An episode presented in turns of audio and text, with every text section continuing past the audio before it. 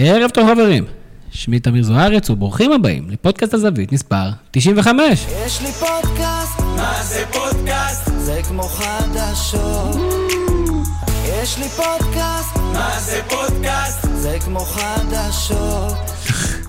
שוב אתם מצטרפים לפודקאסט הזווית, הפודקאסט של אתר הזווית, הזווית.co.il, הפודקאסט שלא צריך פגרת נבחרות בשביל אה, לקחת הפסקות, ובאמת, אה, יותר מדי זמן לא התראינו, אז ניצלנו את הזמן לחשוב טוב טוב איזה מסר אנחנו רוצים להעביר אליכם המאזינים, וכינסנו לפה פאנל על, על טהרת הכדורגל הישראלי. ערב טוב למפיק הפודקאסט ועוד אה, ירוק שרוף, ברק קורן. אהלן. ברק, אלי גוטמן, זה טוב לירוקים? אה, אנחנו נחכה ונראה. לא ממהר להסיק מסקנות, לא לכאן, לא לכאן. הוא לא היה הפייבוריט שלי, אבל בהיצע שהיה, זה מה, ש... זה מה שהכי טוב שאפשר למצוא. אה, בוא נראה, סבלנות זה מילת המפתח. אגב, עוד משהו קטן, אה, אמרו לי שזיו להבי הצליח אה, להתקדם מהפודקאסט לקבוצת כדורגל, אז קודם כל ברכות, ואם מישהו שומע, אז אה, אז, אתה... אני מוכן להתפטר היום. כן, so coach איביץ', if you want something, זה כמובן, אני מכוון לבן מנספורט. אז עוד איתנו נציג אלופת המדינה למי ששכח, וכותב טור שבועי באתר, באתר הארץ, בעיתון הארץ. ערב טוב להורי הטרי, שי טביבי. ערב מעולה. שי, רכש של מיליונים בקיץ, מהפכות אה, בסגל, בסוף הכל מתנקז למאור מליקסון. כמה עוד יש לקוסם בין ה-34 ברגליים? האמת שזו שאלה שאנחנו שואלים את עצמנו מדי שבת, בעיקר שואלים מה יהיה ביום שאחרי מאור מליקסון. כרגע אנחנו רוצים לחשוב על, אה, על מליקסון לעד, אבל ברור לנו שהסוף יגיע, ומה יקרה אחריו, אנחנו בוא, אל תהיה מקווים כזה, הסוף יגיע וזה, אל תגבור לי את הילד. הסוף, המקצועי, אנחנו כרגע נהנים ממנו כמה שאפשר, התחושה היא גם שהוא הולך ומשתבח עם הזמן. יש תחושה אבל שיש תלות, או שרק המשחק הזה עשה את זה? אני, לא חושב שיש תלות, אני חושב שגם העונה הוא לקח כמה צעדים אחורה מבחינת ההשפעה ההתקפית שלו על, ה, על המשחק, הוא מנהל את המשחק הרבה יותר מאחור. אה, אני חושב שיהיה מאוד קשה למצוא שחקן ברמתו, בטח אה, בטייטל ישראלי, אבל נכון לעכשיו אנחנו נהנים מה, מהמעט שנשאר, וזה הולך ומשתבח. אז אה, כיף לשמוע. ומדיבורים על שערים, אנחנו עוברים לאחרון הפאנליסטים שלנו, שגם סוגר את טבלת הכיבושים של הליגה. ערב טוב ליונתן מאיר. ערב מצוין. יונתן, אתה הולך למשחקים של הפועל תל אביב, ב- באיזה שלב במהלך המשחק אתה אומר לעצמך, טוב, היום כנראה לא נבקיע. אה, האמת שבאים מוכנים מראש, אה, וככה כל גול הופך באמת לחגיגה אמיתית, כי פשוט אין הרבה כאלה, לא יוצא לראות כאלה, אבל באים ומנסים לראות מה כן טוב בקבוצה, כי מה רע אנחנו יודעים, כולם רואים את זה על המגרש. אני אוהב את הגישה הזאת. אנחנו נדבר קצת על מה טוב ומה מה רע בהפועל תל אביב. אם, אם אפשר בכלל ללמוד או ללמד, ננסה לתת, אה, לטכס כמה עצות לקובי רפואה, אז באמת המון על הפרק. ליגת העל אה, סוגרת עשרה מחזורים, יוצאת לפגרה של שבועיים. זמן מעולה לקבוע מי הנבחרים שלנו של פתיחת הליגה, מה עובד לקבוצה של איביץ', מה לא עובד לקובי רפואה, כמו שאמרנו. איך תראה טבלה עוד עשרה מחזורים. מעניין, נתייחס גם לשלל השאלות ששאלתם אותנו בקבוצת הגולשים שלנו בפייסבוק ובאינסטגרם. זה, גם הזמן uh, לספר, לעדכן, להגיד לכל המאזינים שלנו שאנחנו מחפשים חסות לפודקאסט. אז זה uh, זמן טוב, אם יש לכם איזה מישהו שמוכן להשקיע בפרויקט uh, טוב, בואו תכוונו אותו אלינו, אנחנו נהיה יעילים בנושא הזה, אז כדאי לכם. אז קדימה, ניתן גם לאחרים לדבר, וברק, אני רוצה לפתוח איתך, נושא שמסקרן אותי כבר כמה ימים מאז שגוטמן הוזכר לראשונה כמועמד למכבי חיפה. יש איזה עליהום, סוג של חגיגות של היריבות, סוג של המון המון רע סביב המינוי הזה, שבוא נודה על האמת, כמו שאתה התחלת ואמרת, מה היו האופציות של מכבי חיפה? לא, מה רע באלי גוטמן בתור האופציה הזאת? לא רע בכלל, אה, לדעתי. אה, שוב, יש לגוטמן, אה, יצא לו שם קצת בעייתי בגלל הקדנציות האחרונות שלו, גם בנבחרת וגם בהפועל תל אביב, אבל בגדול הוא מאמן בכיר בליגה, שנחשב טוב. אני לא בא עכשיו להגן עליו, הבן אדם, אין ספק שהוא בלנדר לא קטן, וגם התנועות אה, גוף שלו בסוף המשחק קצת עצבנו את, גם את האוהדים שלנו וגם... הוא, הוא האוהדים מרגיש. קצת מהונדס, נכון? כאילו, כאילו, כאילו ה- הפעולות שהוא מבצע תוכננו מראש, הוא ידע בדיוק מה הוא מתכוון לעשות, זה, לא מרגיש אה, אמוציונלי. הגישה שלי עכשיו, אה, בניגוד אולי לכמה אוהדים אחרים, אולי כן, אולי לא, זה לא אכפת לי מי הוא, לא אכפת לי מה הוא, לא אכפת לי מה הוא יעשה או איך הוא יעשה, מבחינתי מבחן התוצאה זה הדבר היחידי שחשוב. מצידי שיבוא כל יום עם, אה, עם כובע טמבל ומכנס אה, קיבוץ של קיבוצניק ויביא תוצאות, זה מה שחשוב. לא אכפת לי אם הוא רץ לקהל, אם הוא לא רץ לקהל, אם הוא מתנהג, אם הוא בלנדר או לא בלנדר, או לא אכפת לי, לא אכפת לי שום דבר. תוצאות. י- יונתן, אתה אוהד הפועל תל אביב. למה יש חוסר סימפתיה בציבור האוהדי הכדורגל כלפי אלי גוטמן? זו שאלה של איתי אריה, שככה, אתה יודע, הוא גם אוהד הפועל. אה, כן, קודם כל, אה, אוהדי הפועל תל אביב משום מה עדיין שומרים לו איזושהי אהבה מהקדנציה הראשונה, זה דבר שאי אפשר לשכוח. מובן, אבל. אה, מובן, אבל העזיבה שלו הייתה הכי גרועה שיש, אה, כולם זוכרים את הדרבי.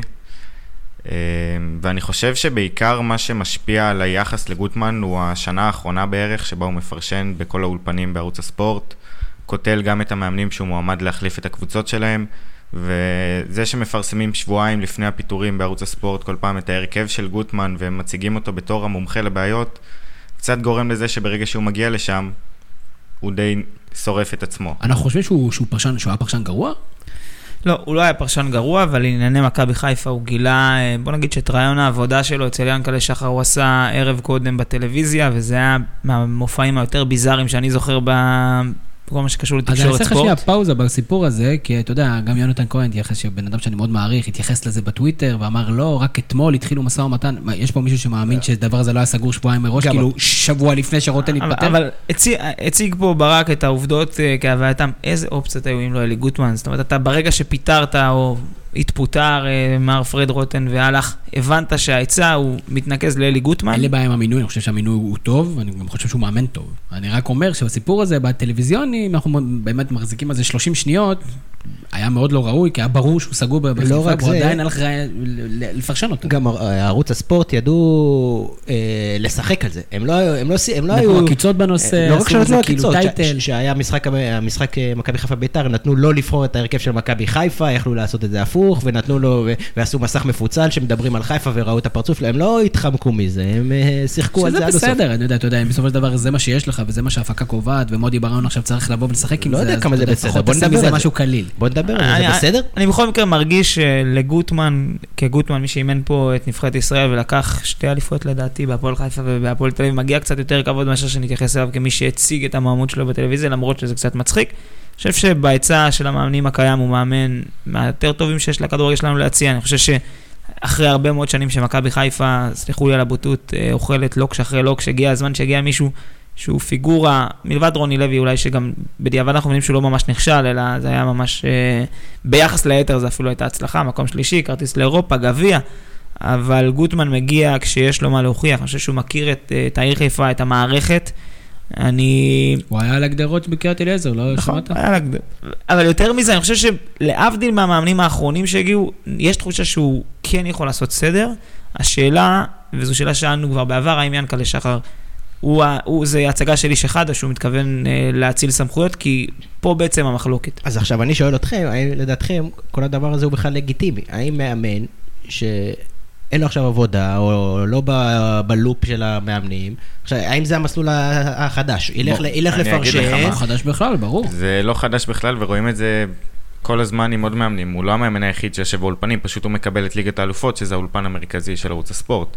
אה, יובל נעים קופץ, וראיתי את אה, בני בן זקן.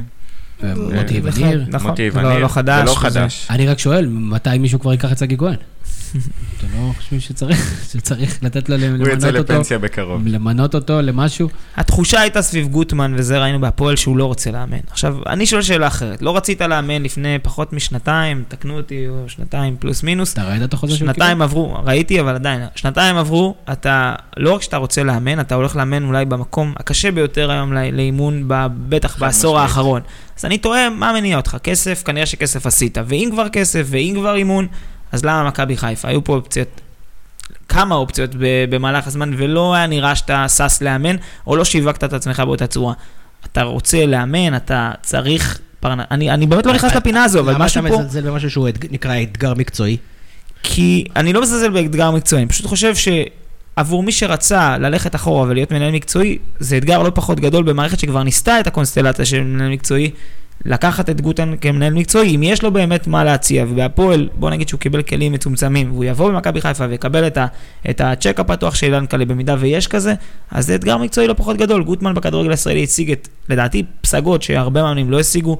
אחת הקבוצות הגדולות ששיחקו פה זה הפועל תל אביב תחתיו בקמפיין האחרון, אפשר לי, לנסות לחלוק על זה מפה. ועד הודעה חדשה. אפשר להגיד קיזוז, לא קיזוז. השאלה מה עכשיו, להיות זה נהדר. שהוא הרים את מכבי חיפה מהקרשים, אפשר לעשות את זה, אני חושב שג'ורדי לצורך העניין, הרבה, הרבה אנשים לא זוכרים את המאמנים שאימנו תחתיו, וה, והעילה הלכה לג'ורדי בהמון מובנים. זאת אומרת, גם כמנהל מקצועי, אם זו הדרך שבחרת, לך על זה.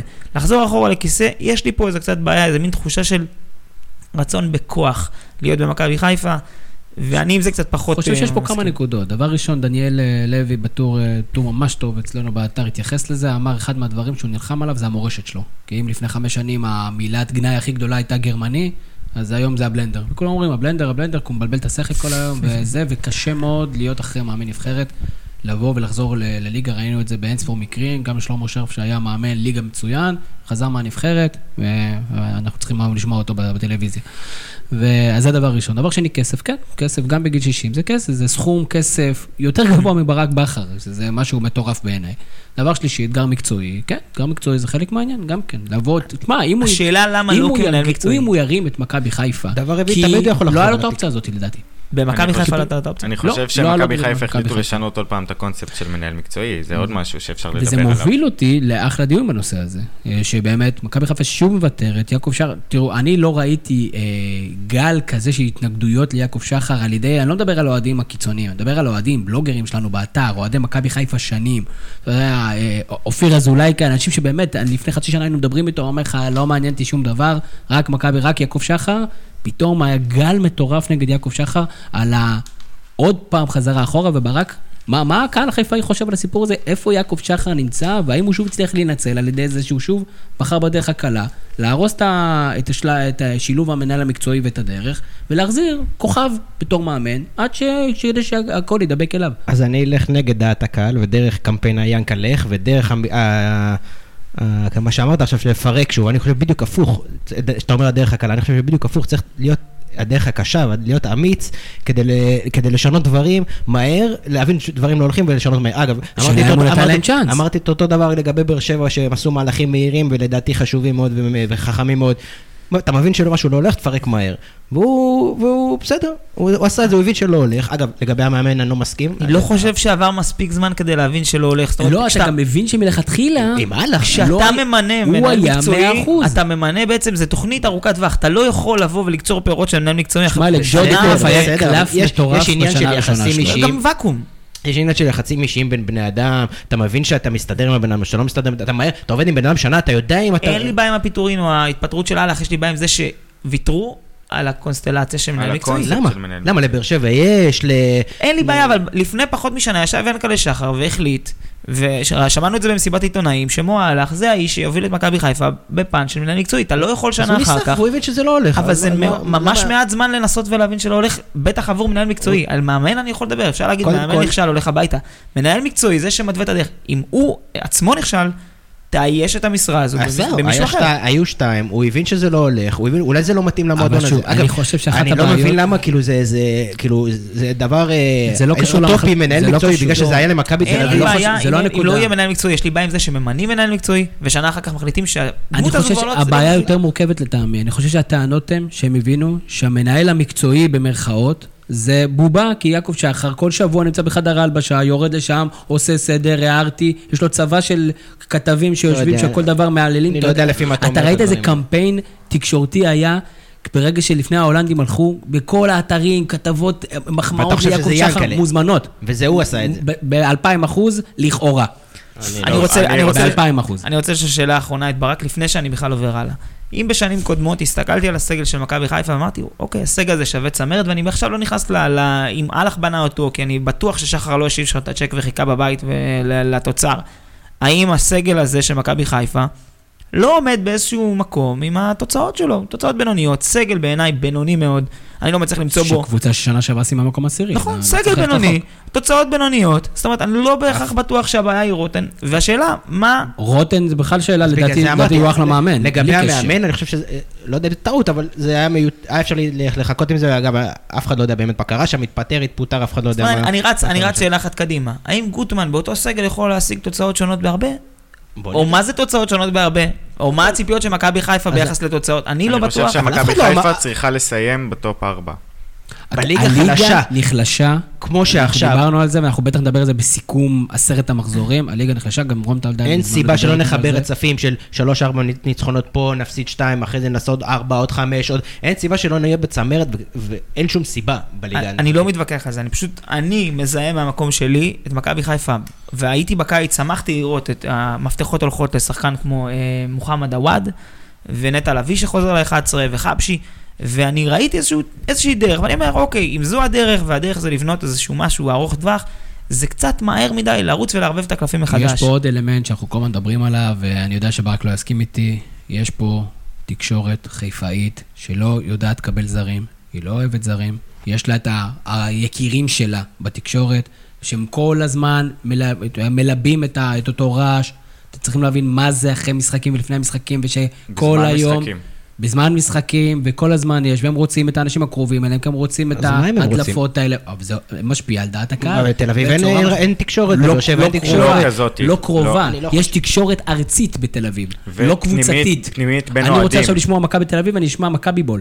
אין לי- אף תוכנית אחרת לשמוע אני מכבי תל מסכים, אביב. אני מסכים שהם, אה, דומיננטיים לקהל וכו' וכו', אבל בתוך, אני לא, לא מסכים לחלוטין שהם הם דומיננטיים בתוך. המועדון. מה, אז אתה, אז אתה, אני מסכים אתה- עושה מסכים. עיניים. ברק, אתה פשוט אני לא מסכים לא צודק. ולראיה, תוכנית ספורט פופולרית שמושמעת, אולי התוכנית הפופולרית ביותר, עולה במשך כל יום כמעט חבר פאנל בשם, לא נזכיר את שמו, יונתן הללי, ואתה מרגיש שהאיש יודע אז מה- קצת מה זה יותר. מרגיש? הוא יודע. הוא יודע. האיש מספר לך הכל. מה קורה במערכת. הם יודעים איזה הרכב הולך להיות, מי עצבני. מה הם אוכלים לארוחת בוקר. לאיזה אנשים בדקו את הטלפונים. שכר הדירה, מי. גר איפה, דברים שהם אם זה היה ברמת... נכון, אז כבר מזמן יניב קטם ואייל ברקוביץ' היו בתוך המועדון, ועוד כל מיני חברים זה לא קרובים שלהם. זה בהחלט לא אומר. אבל אני- הם יודעים. אם אני- זה משנה אם שחקנים אומרים להם או מנהלים אומרים להם. מה אני רוצה? לחזור רגע, שנייה אחורה למה ששאלתי אותך. ואני, זה מציק לי כאוהד כדורגל וכמישהו שבאיזשהו מקום רוצה לראות את מכבי חיפה חוזרת להיאבק. גם אם זה יהיה על חשבוננו לרגע, או בטח ובטח על חשבון מכבי, אני אף פעם לא אצטער. איך יכול להיות שכל פעם מחדש מדברים על איזושהי דרך ולא נותנים לדרך הזו אפילו את הזמן הסביר, הנורמלי, לעכל את עצמה? פה זה היה איזה קונספציה של עונה, אה, עונה פיננסית וצעירים, אחר כך זרים, אחר כך מאמן זר, אחר... כל גם כן פעם יש שינוי. לזה, גם התייחסו לזה אצלנו מהיר. אני מסכים שזה לא נראה טוב, אני גם רוצה דרך, ואני גם, אבל אני, אני, אני מתעקש ספציפית על הפרסונה הספציפית הזאת, הלך. אני לא מצטער שהוא הלך, כי הוא לא היה מתאים, הוא לא, ש- לא שידר את, ה, את ההוואי של הקבוצה, הבן אדם בקיץ שהיה צריך לבנות קבוצה, מעלה לך תמונות מהאינסטגרם שהוא בתאילנד, זה לא בן אדם שמתאים, ואם הוא לא מתאים, גם אם עשית 20 טעויות לפני, אז לא בגלל שעשית 20 טעויות, אתה תעשה את ה-21, אתה תיפטר ממנו, אני, לא מדבר חדשה. בגופו של, של, אה, דמות. כי אני, כי אני נוטה להסכים איתך לגופו של דמות. נכון. של מועלך, לדעתי, לא עשה את תפקידו, אני לא יודע אם זה משנה. הוא היה צריך לשים את המפתחות אם לא קיבל כסף לעשות שינויים, ואם הוא לא עשה שינויים, לפחות אפילו סמנטיים, כאלה של לחזק את המקומות הנכונים, אז זה, כמובן שזה עליו. פשוט אומר שהתחושה היא שלא נתנו לו באמת צ'אנס. שיעקב שחר, אתה אני- לא יכול להיות הבעלים ולרד כל שבוע לחדר הלבשה, תגידו, אוקיי, זה השקעה שלו, אבל זה לא משנה. אז אם נתת אתה את יודע שהוא הצ'אנס... יורד כל יום לחדר כי כל הזמן הלבשה, מפרסמים את זה לא- בכל לא, מקום. נו. כל מקום מפרסמים את זה. אני חושב שאפשר לסגור את העניין הזה. כן. שאלה של אה, רועי לנסקי, ששאל אותנו אם העניין של מנהל מקצועי זה עניין של תקופה, או שזה משהו שהוא נעלם עכשיו לגמרי. ואני חושב שזה משהו שהוא כן יחזור. אני חושב שבמכבי חיפה יבינו, יבנו לעונה הבאה יעקב שחר עוד פעם, במידה והוא לא יעזוב, אני לא יודע מה, כמה הוא מתכנן להישאר, שהוא כן רוצה עוד פעם לבנות לטווח ארוך, שהוא כן רוצה עוד פעם איזה מישהו שיציג לו תוכנית כזאת, שהוא יקנה אותה. אז סליחה שאני עוד פעם הפרובוקטור וה... כל, שוב, אמרתי את זה בהרבה פורומים שונים, לדעתי כל נושא המנהל מקצועי הזה, זה משהו שמנופח מעבר לכל פרופורציה, ובגלל שלוש שנים של אה, מכבי תל אביב, לא כל הליגה צריכה, לא מתאים להם אה, מנהל מקצועי, ולקחו אליפויות לפני מנהלים מקצועיים. עצור, האם ויש אנחנו- למכבי חיפה גם מנכ"ל, ויש עוד הרבה האם תפקידים אנחנו רוצים בדרך. להיבדל מכדורגל עולמי, ששם מנהל מקצועי זה דמות שאתה בכלל לא, לא מטיל ספק אם קודם כל, היא צריכה להיות או לקחה לא צריכה להיות. בלי מנהל לא- מקצועי. אני לא מקבל. וגם למכבי תל אביב הנוכחית אין מ- מנהל מקצועי שמישהו מכיר, לא יודע אם יש בכלל, או אם מישהו שהוא דומיננטי, כמו בן שהיה. מנספורד כמו הוא הדמות. אז- בוא, זה לא משמיים שחייבים מנהל מקצועי, לא אני צריך מסכים. לנפנף בזה כל הזמן. חד משמעית, אני מסכים. אה, גם ראו את זה על הפועל תל אביב. לרוב הקבוצות בליגה אין כסף לשלם לצוות גם כזה. לא צורך. גם לא צורך, כי זה לא המטרות שעליהן הם בכלל חושבים. אבל הלוואי שאם אני- מישהו פה אני מדהים, חושב- כמו ג'ורדי, בסדר, או מה שזה לא יהיה, ש... ייקח אפילו את קריית שמונה ויעשה ממנה משהו, זה מדהים, אבל אבל פשוט... ניסו, ניסו, הביאו שתיים, ווואלה, אמרו שלביצה שלנו, אולי לא צריך את אה, אהלך, או לא צריך את... אה, שזה לא יהיה... כשאתה לא באמת. משחרר את הסמכויות, אז זה בטח לא ובטח. לא יצליח. נכון. אז הבאת מנהל מקצועי, אבל בסוף אתה זה שמקבל את ההחלטות, אז מה עשית בזה? דרך אגב, אני, אני מסכים לחלוטין עם כל מה שאמרת לגבי מנהל מקצועי כ, כפונקציה. אני כן חושב שמנהל מקצועי טוב בהפועל באר שבע מונע את הקיץ הזה. זה מה שאני חושב. יכול להיות. יכול להיות שכן. עם יכול להיות חשיבה לעתיד, ועם אבל גם מנהל מקצועי. נכונות ולהרגיע את אבל גם בלי מנהל השטח. מקצועי הם עשו קי- קיצים אחרים. לא, אגב, אלונה. לא דומיננטית, אלונה לא... לא. ואני חושב שהשנה זה היה בעוכריה.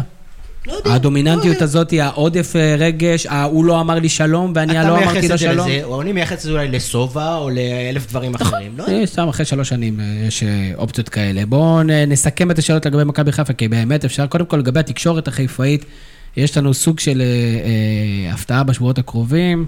אנחנו, אם יצא לפועל, אנחנו נערך אה, פרק מאוד מעניין בנושא הזה. אנחנו צריכים לעשות פה טיזינג, אה, ברק? אתה מבסוט את זה. אז כן, זה משהו שיכול להיות שיהיה בקרוב. אה, אופיר אזולאי שואל, והוא שואל את זה בצחוק, אבל אני רוצה שנייה לדבר, גם כן לפתוח את זה עם ברק. האם אחרי הניצחון על הט- הטוענת לכתר, מכבי חיפה תוכתר על אלופה עוד טרם תחילת הפלייאוף? עכשיו, זה כאילו מצחיק, אבל אתה שומע את התוכניות, אתה שומע את רחשי הקהל.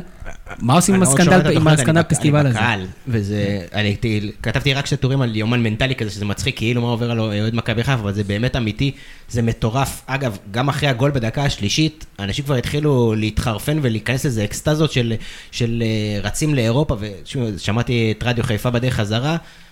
לא יודע למה, אבל שמעתי. אה, אה, אני לא צוחק, דיברו על אה, זהו, אפשר להכין, במילים האלה, להכין מזוודות, ואירופה זה דבר בטוח, וכן הלאה וכן הלאה. זה, זה שיגעון מה שקורה עם הקהל, אבל שוב, יש גם צד אחר, שאני מקווה שאני פונה אליו וזה, זה, יכול להיות שזה גם בצחוק, גם, רדיו חיפה, כאילו גם, אתה יודע, הם גם צריכים רייטינג וגם נהנים מה...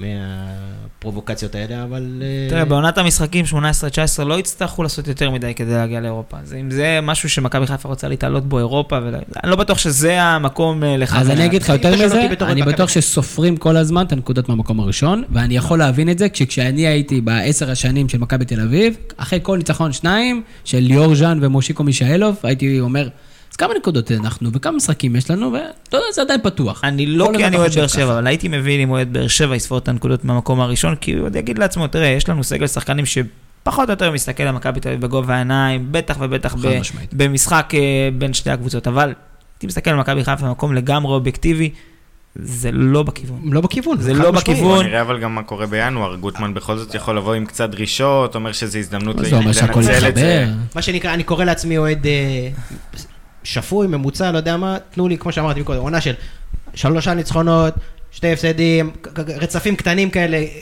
יכולת סבירה פלוס, אני אהיה מבסוט עד הגג. עונת בית"ר ירושלים מהשנים האחרונות, היא עבור מכבי חיפה סוג של אליפות. או, אה, יפה שאמרת בית"ר ירושלים.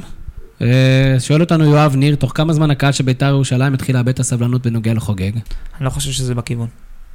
אז בוא, אז בוא תספר לנו קצת על בית"ר אני, ירושלים. א', הייתי השבוע בטדי, ובדרך לטדי נסעתי עם חבר אוהד בית"ר, וקראתי ככה באחד מאתרי הספורט, שמשה חוגג אה, החליט שלהבדיל ממה שעושים בדרך כלל, הפעם קניית הכרטיסים בקופות תעלה כמעט 30 אחוז יותר מאשר קנייה ב- ברכישה מוקדמת. אני יושב ברכב, קצת הבנה כלכלית יש לי בכל זאת, ואני בא ואומר, וואלה, תשמע, זה רעיון, איך לא חשבו על זה קודם? בית"ר ירושלים, קהל כרטיסים, אה, באופי שלו, הקהל ששנים על גבי שנים האוהדים מגיעים וקונים כרטיסים בקופות, בא משה חוגג אומר, בקופה 120 שקל, קנייה מוקדמת, 70, אתה אומר, שמע, מהלך חכם. עכשיו, חשבתי שיהיה פה איזושהי מין ביקורת מצד אוהדי בית"ר, ואתה שומע את אוהדי בית"ר אומרים, אתה רואה כאן איזה משהו, איזה משהו הייטק, משהו שקצת שונה מהביצה, מהדדש עם, המעט, עם, ה, עם המפית, וטביב שמנהל את זה בצורה, והם כן מצליחים להתחבר על זה. נכון, יש פה איזה מין אלמנט של בא איזה גביר אה, עם הייטק, משקפיים, ומישהו שמתעסק בביטקוין ומתחיל אה, לדבר איתנו במונחים של אה, כרטיס חבר מועדון, וקשקושים שאנחנו לא בטוח שאנחנו יודעים איך, איך קוראים להם, אבל מעריכים את זה, ואני חושב שהקהל של ביתר לא עומד להתייאש ממשה חוגג בקרוב, בטח לא כשהוא הולך לפתוח את הכיס בקיץ. אה, יש לו. כמה אנד גיימים, אנד גיימים. אחד זה כמובן אותו סיפור שחופרים בו מיליון פעם, זה אותו שחקן מוסלמי שאם וכאשר יבוא זה יהיה הסוף שלו. שתיים, זה אם באמת הקבוצה תהיה אה, מעורבת במאבקי ירידה, אני לא בטוח, בסוף, גם האוהד הבית"רי הממוצע והרגוע, יש- כל אוהד אגב, לא רק בית"רי, סליחה שאני, אין פה קשר, ישתחרר לו איזה קפיץ בסוף. אני חושב שיש משהו אחר לגמרי שיכול להגיע הרבה לפני, עוד שלושה מחזורים הפועל תל אביב מארחת את ביתר ירושלים, תחילת דצמבר, והפסד גדול של ביתר להפועל תל אביב, יכול להיות פתאום איזשהו זעזוע בקהל, כי הוא לא מבחינתם- קשור לזעזוע, אני חושב, אני לא מסכים איתכם בשום צורה, הזעזוע גם אם יבואו, גם אם תפסידו, יפסידו ביתר 10-0 בבית אה, להפועל תל אביב, לא ייגע במשה חוגג, מבחינתם משה חוגג, העונה הזו לפחות הוא חסין, הוא לא זה שבנה את הקבוצה, הוא הציל אותם מה, מה, מפרעות טביב, המהלכים שהוא עושה שם, אני שומע אותם מאנשים מאוד קשים בקהל הבית"רי, מכיר כאלה, גרתי בירושלים שבע שנים. מאוד אה, מוערכים, מתייחסים אליהם פתאום כאיזה מישהו שכן יכול להיות פה איזה חוג אוהדים וכרטיסים. אני מסכים משה חוגג לחלוטין. נכון לרגע זה, לחלוטין. ועד הרגע שהוא יעשה איזה מהלך מטופש כזה או אחר, לא, בלי שאני מביע דעתי הישירה עליו, יש לו חסינות מועדי בית"ר, הוא משקיע, הוא ישקיע, תשכחו מזה, תרדו, זה לא הולך ואם הם יורדים ליגה. זה עדיין לא היה בסדר. כי הוא מבחינתו עשה כל מה לא שהוא יכול, לא בגבול, ליגה. אנחנו בגבולות, מדבר דרך אגב על מי כן ירד ליגה, אבל לא ירדו ליגה. בגבולות המשחק הוא עשה כל מה שהוא יכול, הוא הביא רק בכמה שבועות האחרונים את אה, אהרון אלונרה בסכומי כסף לא מבוטלים, הוא הביא שם את בוזגלו וערן לוי שהקהל משום מה.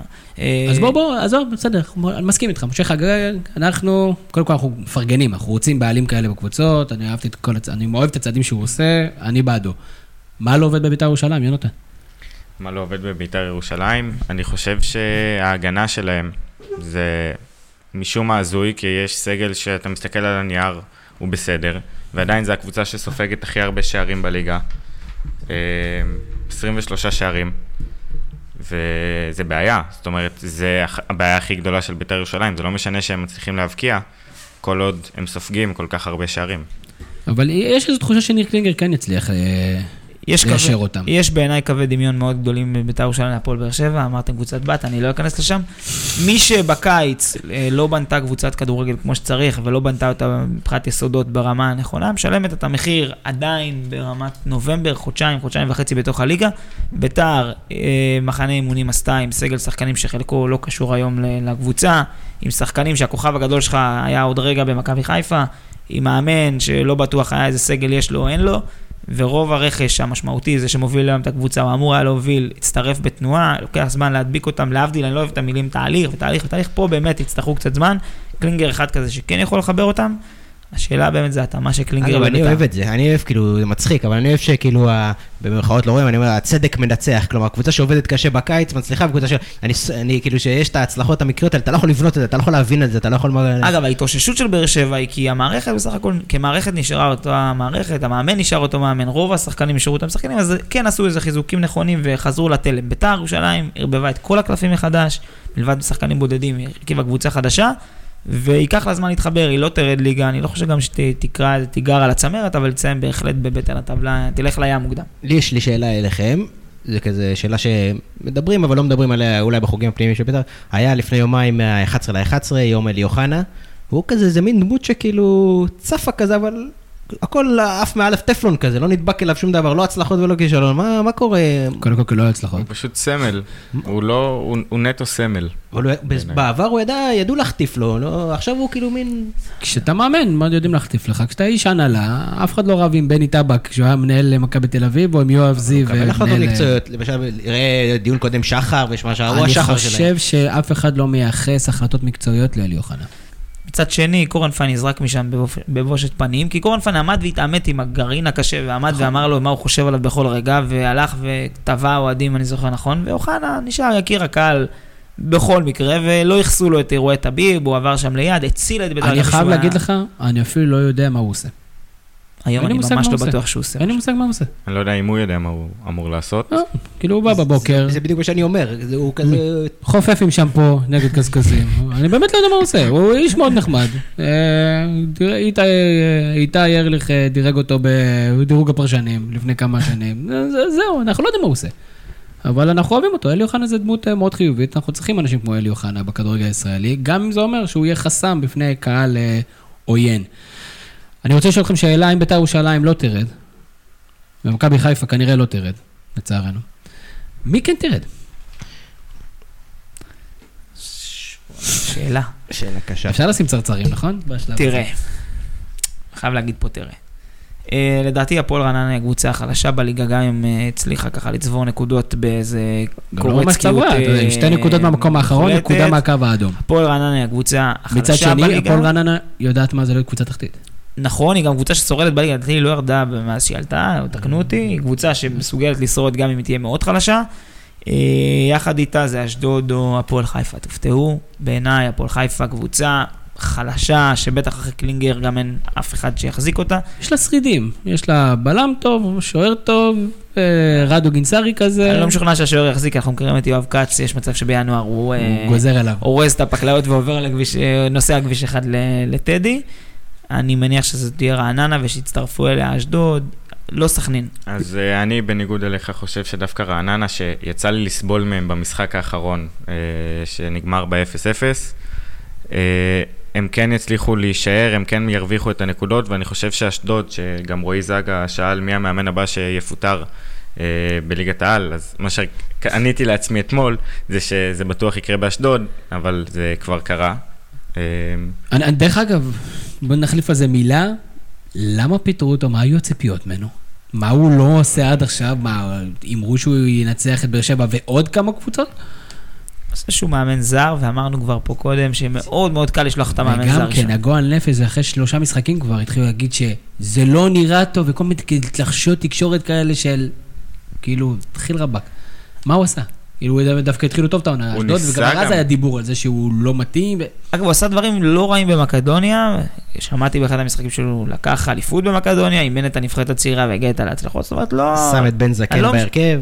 כן, אבל זה אבל כבר? לא קשור, זה נושא אחר. בואו נקרא לילד. בשמו, דיברתם על זה בהקשר החיפאי, אין לו יח"צ, אין מי שיושב אצלו ומסנגר עליו ברדיו, אין מי שיושב ומסנגר עליו אצל הבעלים. השחקנים כנראה לא משדרים אה, למעלה שהם מאוד מרוצים, כי אין את התקשורת שהם רגילים אליה, ואין את הסחבקייה הישראלית הידועה, וזה מחלחל, וזה הראשון שמשלם את המחיר. נחזור ליורדות, אני גם מסכים שאשדוד ירדו ליגה. אני דווקא כן חושב, אתה יודע, רעננה זה סיפור, הפועל חיפה יכולה לרדת ליגה גם כן. אני, זה מה שאני לגמרי חושב. הפועל חיפה, אם לא יביאו חיזוק, הם קבוצה נורא איטית, נורא כבדה, שזה מה שהם שיחקו עליו עד עכשיו. זה היה ההצלחות שלהם, זה שהם היו קבוצה מהירה. ואם הם לא יביאו חיזוק בינואר, אז אין להם פשוט, ההתקפה שלהם תקועה. הם- כאילו, אם אנחנו לא מורידים את רעננה, אנחנו מתחילים לשלוח למטה קט- אחת מהקבוצות הגדולות, אני לא רואה אותן יורדות. ברק? אני דווקא... הם- אני לא יודע, אם לא ירד- תרד, אבל יהיו במאבקים שם. אני אלך איתכם עם אשדוד, אבל אה, זה עונה פה על שתי שאלות במכה, גם על השאלה של רועי זגה, מי המאמן הבא שיפוטר, וגם לדעתי מי שתרד, זאת בני סכנין. אה, המאמן הבא- מצוין. המאמן הבא אה. שיפוטר זה המאמן שמונה, עכשיו הוא יהיה המאמן הבא שיפוטר בליגת העל, מי- כי זה מישהו ההנהלה... עודד משהו- קוטר. מה, כן, זה הקוטר הזה. הוא. נמצא במערכת כבר כמה שנים. לא משנה, הוא יהיה אגב, מעריכים. אותו מאוד, גם השחקנים מאוד אוהבים אותו, אני חושב שהוא לא ימשיך לאמן לאורך זמן. בסכנין אתה... זה סכנין, לא כי זה לא קשור אולי ימשיך בשום לאמן לאורך. זמן, באיזשהו שלב אנחנו נראה את אחד מה... אה, שלומי דורה, כן. אלי כהן, כל אלה שתמיד מסתובבים שם ליד. ובסוף בלבול ישאיר אותם בליגה ויביא אותם לפלייאוף עליון. מבחינת סגל שחקנים, יש לנו סגל שחקנים לפלייאוף עליון, התקפה מהטובות בליגה. נכון. קישור לא רע בכלל, קישור שרק שנה שעברה לקח אליפות בבאר שבע והיה שחקן, אחד השחקני העונה עם קלאודמיר. בהנהלה וכל הדבר סביב הקבוצה הזאת משוגע לגמרי. אגב, עוד איזה משהו קטן, אנחנו... אגב, מילה, משפט אחרון בעניין של סכנין, מאזן גנאים איבד את, ה, את אה, ראשות העירייה, שזה נושא בפני עצמו, וזה עלול מאוד להשפיע על הקבוצה. בכלל בקשר אה, הדוק שם עם העירייה, תמיד. כן. אה, תמיד הקבוצה, תמיד זו הייתה עיר מלאה בגנאים. זה היה מאזן גנאים. אגב, לא יודע מה דעתכם בנושא, אבל. גם אה, הפועל חדרה עדיין לא הום סייף. אבל היא נראית קבוצה. היא לא מסכים. שהיא במקום שלה במזל. יש להם זרים טובים, אגב, אחד הם צברו את הנקודות אחד מהם שלהם. זר על, אבל לא בטוח, א', לא בטוח שהוא יישאר, כי יש לו... לוסקו סוג או פלומן? לא, פלומן. פלומן, אבל הוא לא קצת לא יציב אה, מנטלית, הבן אדם, ראיתי אותו מול מכבי חיפה, הוא איבד את זה לגמרי, הוא... הוא משתולל שם על השחקנים, אני הוא חושב- מקלל והוא רב, הוא היה שם איזה ויכוחים אני קשים. לא רואה את הפועל חיפה. אה, לא, אני חושב- יורדת אני. חושב שחדרה צברו את הנקודות שלהם מאוד מוקדם בתחילת העונה למאבקי הישרדות, והם הגיעו בעמדה מאוד נוחה לקרבות ירידה. שאגב, אתה- הפועל אתה תל יודע מה זה אביב... מומנטום, אתה יודע מה זה קבוצה לא, קטנה, לא, ויש לך אני- אתה. צודק, אני- אבל אבל כרגע יש חמש קבוצות עם תשע, עשר נקודות, והם עם 19, והם באמת קבוצה טובה. אני מסכים, עזבו רגע, כ- עזבו כדורגל בצד, או יותר נכון, שימו את הכדורגל במרכז, עזבו רגע תוצאות בצד. ראיתי את חדרה נגד מכבי חיפה, ראיתי הנעת כדור, ראיתי סגיר, ראיתי קבוצה מאומנת. לא טובה. חושב שזו קבוצה ראית שנראית קבוצה של גיא לוזון? לא. קבוצה טובה לדעתי, קבוצה מאומנת. אני מת על איך שניסו אביטן מתראיין, ושהוא מדבר מאוד מאוד אמיתי, ויש להם זרים טובים. לא צריך הרבה מזה בליגה שלנו. באמת לא תרד. צריך. לא- אפילו לא תיגרר למאבקים האלה. ברק, מה לא עובד להפועל תל אביב? שהם לא מפקיעים. בוא נתחיל מזה. אני ואתה הצבענו על אה, זיקרי כשחקן שייתן double figures. אז, בתחילת ויונתן. אמר לנו שהוא לא ייתן double figures, היינו אז, צריכים אה, להקשיב. כן, זה... הוא סמן אה, קלאסי שם. יונתן, תספר לנו למה אתם כישלון מובי.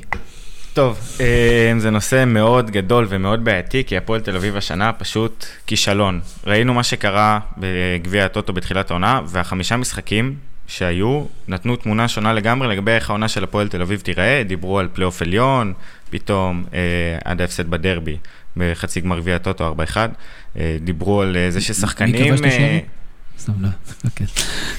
סתם, לא, רק נתונים, כן. בבקשה. והיו חמישה כן, משחקים, דיברו גבוה. חמישה משחקים בגביע אפילו הטוטו. ישבתם פה, עוד אמרנו, פלייאוף עליון, ואפילו הייתה איזה תמימות דעים שאפשר לכוון לפלייאוף עליון. עכשיו זה נראה כאילו חזון אה, רחוק. אז זהו, בחמישה משחקים בגביע הטוטו הפועל תל אביב הבקיעו 11 שערים. עכשיו בעשרה משחקים בליגה הם הבקיעו חמישה. משהו לא עובד בהתקפה, ומה שלא עובד בהתקפה זה האיטיות במשחק, והשיטת משחק של קובי רפואה שהוא הולך איתה, של שני קשרים אחוריים, של רמזי ספורי שצריך לתת את הכדורים הנכונים, שהוא לא מצליח לתת אותם. אה, מנסים להרים המון. שבע. כל השערים של הפועל תל אביב הובקעו מתוך הרחבה, אף גול לא הובקע בנגיחה, ועדיין הפועל תל אביב מנסים כל משחק להרים כדורים לרחבה מהאגפים, וזה השיטת משחק שלהם. וזה פשוט לא עובד, בטח שפייסל מוליץ' ועומר דמארי היו פצועים בזמן האחרון, ורועי זיקרי תופקד כחלוץ. הוא לא מצליח להגיע לכדורים האלה, אין אף שחקן אחר שמצליח להגיע לכדורים האלה. הפועל תל אביב משיגה קרנות, ואין אף שחקן שיכול לנגוח בעצם בתוך הרחבה. אורל דגני היחיד אולי שאפשר להגיד, בזמן שגוטליב לא משחק, שיכול לנגוח, נשאר לבד מאחור כדי לשמור על, על ההגנה. ובעצם הפועל תל אביב משחקת כל ה-90 דקות, בגלל זה גם אין הרבה מצבים, כי הם לא בועטים מחוץ לרחבה, מתרכזים בלהכניס כדורים משני האגפים, ולהעביר את הכדור מצד לצד כדי לנסות להרים, וזה פשוט לא עובד. זה לא מתאים, ובתחילת העונה, הפועל תל אביב הייתה קבוצה שרצה, שעושה להתקפות מתפרצות, שהשחקנים שלה בכנף שיש להם מהירות, אם זה גנדה, אם זה זיקרי, הם יודעים מה לעשות, וזה הסיבה שכרגע הפועל תל אביב לא מצליחה, ואגב, אם משהו שם לא ישתנה, לגמרי במאבקי תחתית. אני חושב שהם הם ראו גם את, אה, את שכטר ואת עטר וכל מיני יוצאי מכבי חיפה כאלה שהצליחו, ופתאום דמיינו שדמרי גם יהיה כזה. קאיו. אבל הוא אפילו לא קרוב להיות כזה, הוא לא, הוא לא יכול כבר להיות כזה. אה, אה, אני לא יודע, אני חושב שהוא עדיין יכול לשים את הכמה גולים שלו, הוא באמת לא מסוגל אה, לייצר שניים שלושה משחקים בלי להיפצע. מאוד משמעותי לחלוץ, בטח בניסיון להיכנס ל- לכושר. אני חושב אביב קצת היה חוסר מזל בכמה משחקים, גם כן בדרבי היה קצת חוסר מזל, יכלו לשים שער, ו- ויש להם הגנה סך הכל טובה, ומשמעת טקטית יחסית טובה. כולה ספגו שבעה שערים בעשרה משחקים, זה אחלה מאזן לעולה חדשה. ההגנה השלישית בטובה בליגה ביחד עם קריית שמונה. נכון. זה מדהים, אבל איך כאילו כל הליגה, כל האוהדים של כל הליגה נהנים עכשיו, זה כאילו הקבוצה שהכי כיף. אה, כי זה, תראה, כי קודם כל זה גם הכיף אביב חזרה לליגה. בואו נשים עכשיו שנייה את העקיצות המצחיקות בצד, בתור אנשי מקצוע רציניים, זה כיף אביב בליגה, יש קהל, יש מישהו לדבר עליו. אם הפועל רעננה עכשיו חמישה מחזורים לא הייתה, לא הייתה כובשת, למי היה אכפת? זה לא מעניין אף אחד, ה-15 האוהדים שלהם, ובאמת, אה, עם כל הכבוד, אני אגיד לך יותר מזה, קריית שמונה רצה יפה בצמרת, וחיים סילבס זה מאמנים, מאמן שאנחנו אוהבים לאהוב. ההצלחה של קריית שמונה היא לא אותה הצלחה שתרעיד פה את הליגה כמו עם הפועל תל אביב עכשיו הייתה באותה סיטואציה. אז הפועל תל אביב קבוצה חשובה לליגה, ואני לא חושב שקובי רפואה מאמן גרוע כמו שחושבים ממנו, אני חושב שאני מסכים. קצת חוסר מזל, הוא הראה קצת יכולות טובות דווקא במשחקים הגדולים. זאת אומרת, הוא יודע להכין קבוצה, קשה להפועל. תל אביב ליזום, קשה לה, אין ספק, ואתה אולי ניתחת את זה בצורה טקטית נכונה. אני דווקא חושב שזה עוד יתחבר להפועל תל אביב. אל תשכחו שאנחנו גם, כאילו, אנחנו מדברים פה, מסכמים את זה, המחזור עשירי, כן? נכון. אנחנו שלוש ארבע ניצחונות ועפים פה למעלה. אתה רוצה שנעשה פודקאסטים לא, אחד ל-15 בסדר, מחזורים? אני אומר, אבל בקריית שמונה צמרת, לא, אתה יודע, שתי הפסדים מתחת לקו האדום, זה... נכון. אני, אני אתייחס להפועל תל אביב רק על סמך המשחק בטרנר שהיה רק לפני שבועיים, כי מעבר לזה לא ראיתי יותר מדי, אבל אם זיהיתי משהו בטרנר שהוא, אני לא רוצה להגיד לא ב-DNA של הפועל תל אביב, כי זה כן קבוצה ששיחקה הגנה הרבה מאוד שנים, משהו בהגעה הזאת, באיזו תחושה של באנו לפה כמו קבוצה קטנה, משהו שהוא בניגוד למערכת, שדווקא בהפועל תל אביב, מסתכל על החלק הקדמי של שחקנים, זה אפילו לא ברמת הלעקוץ.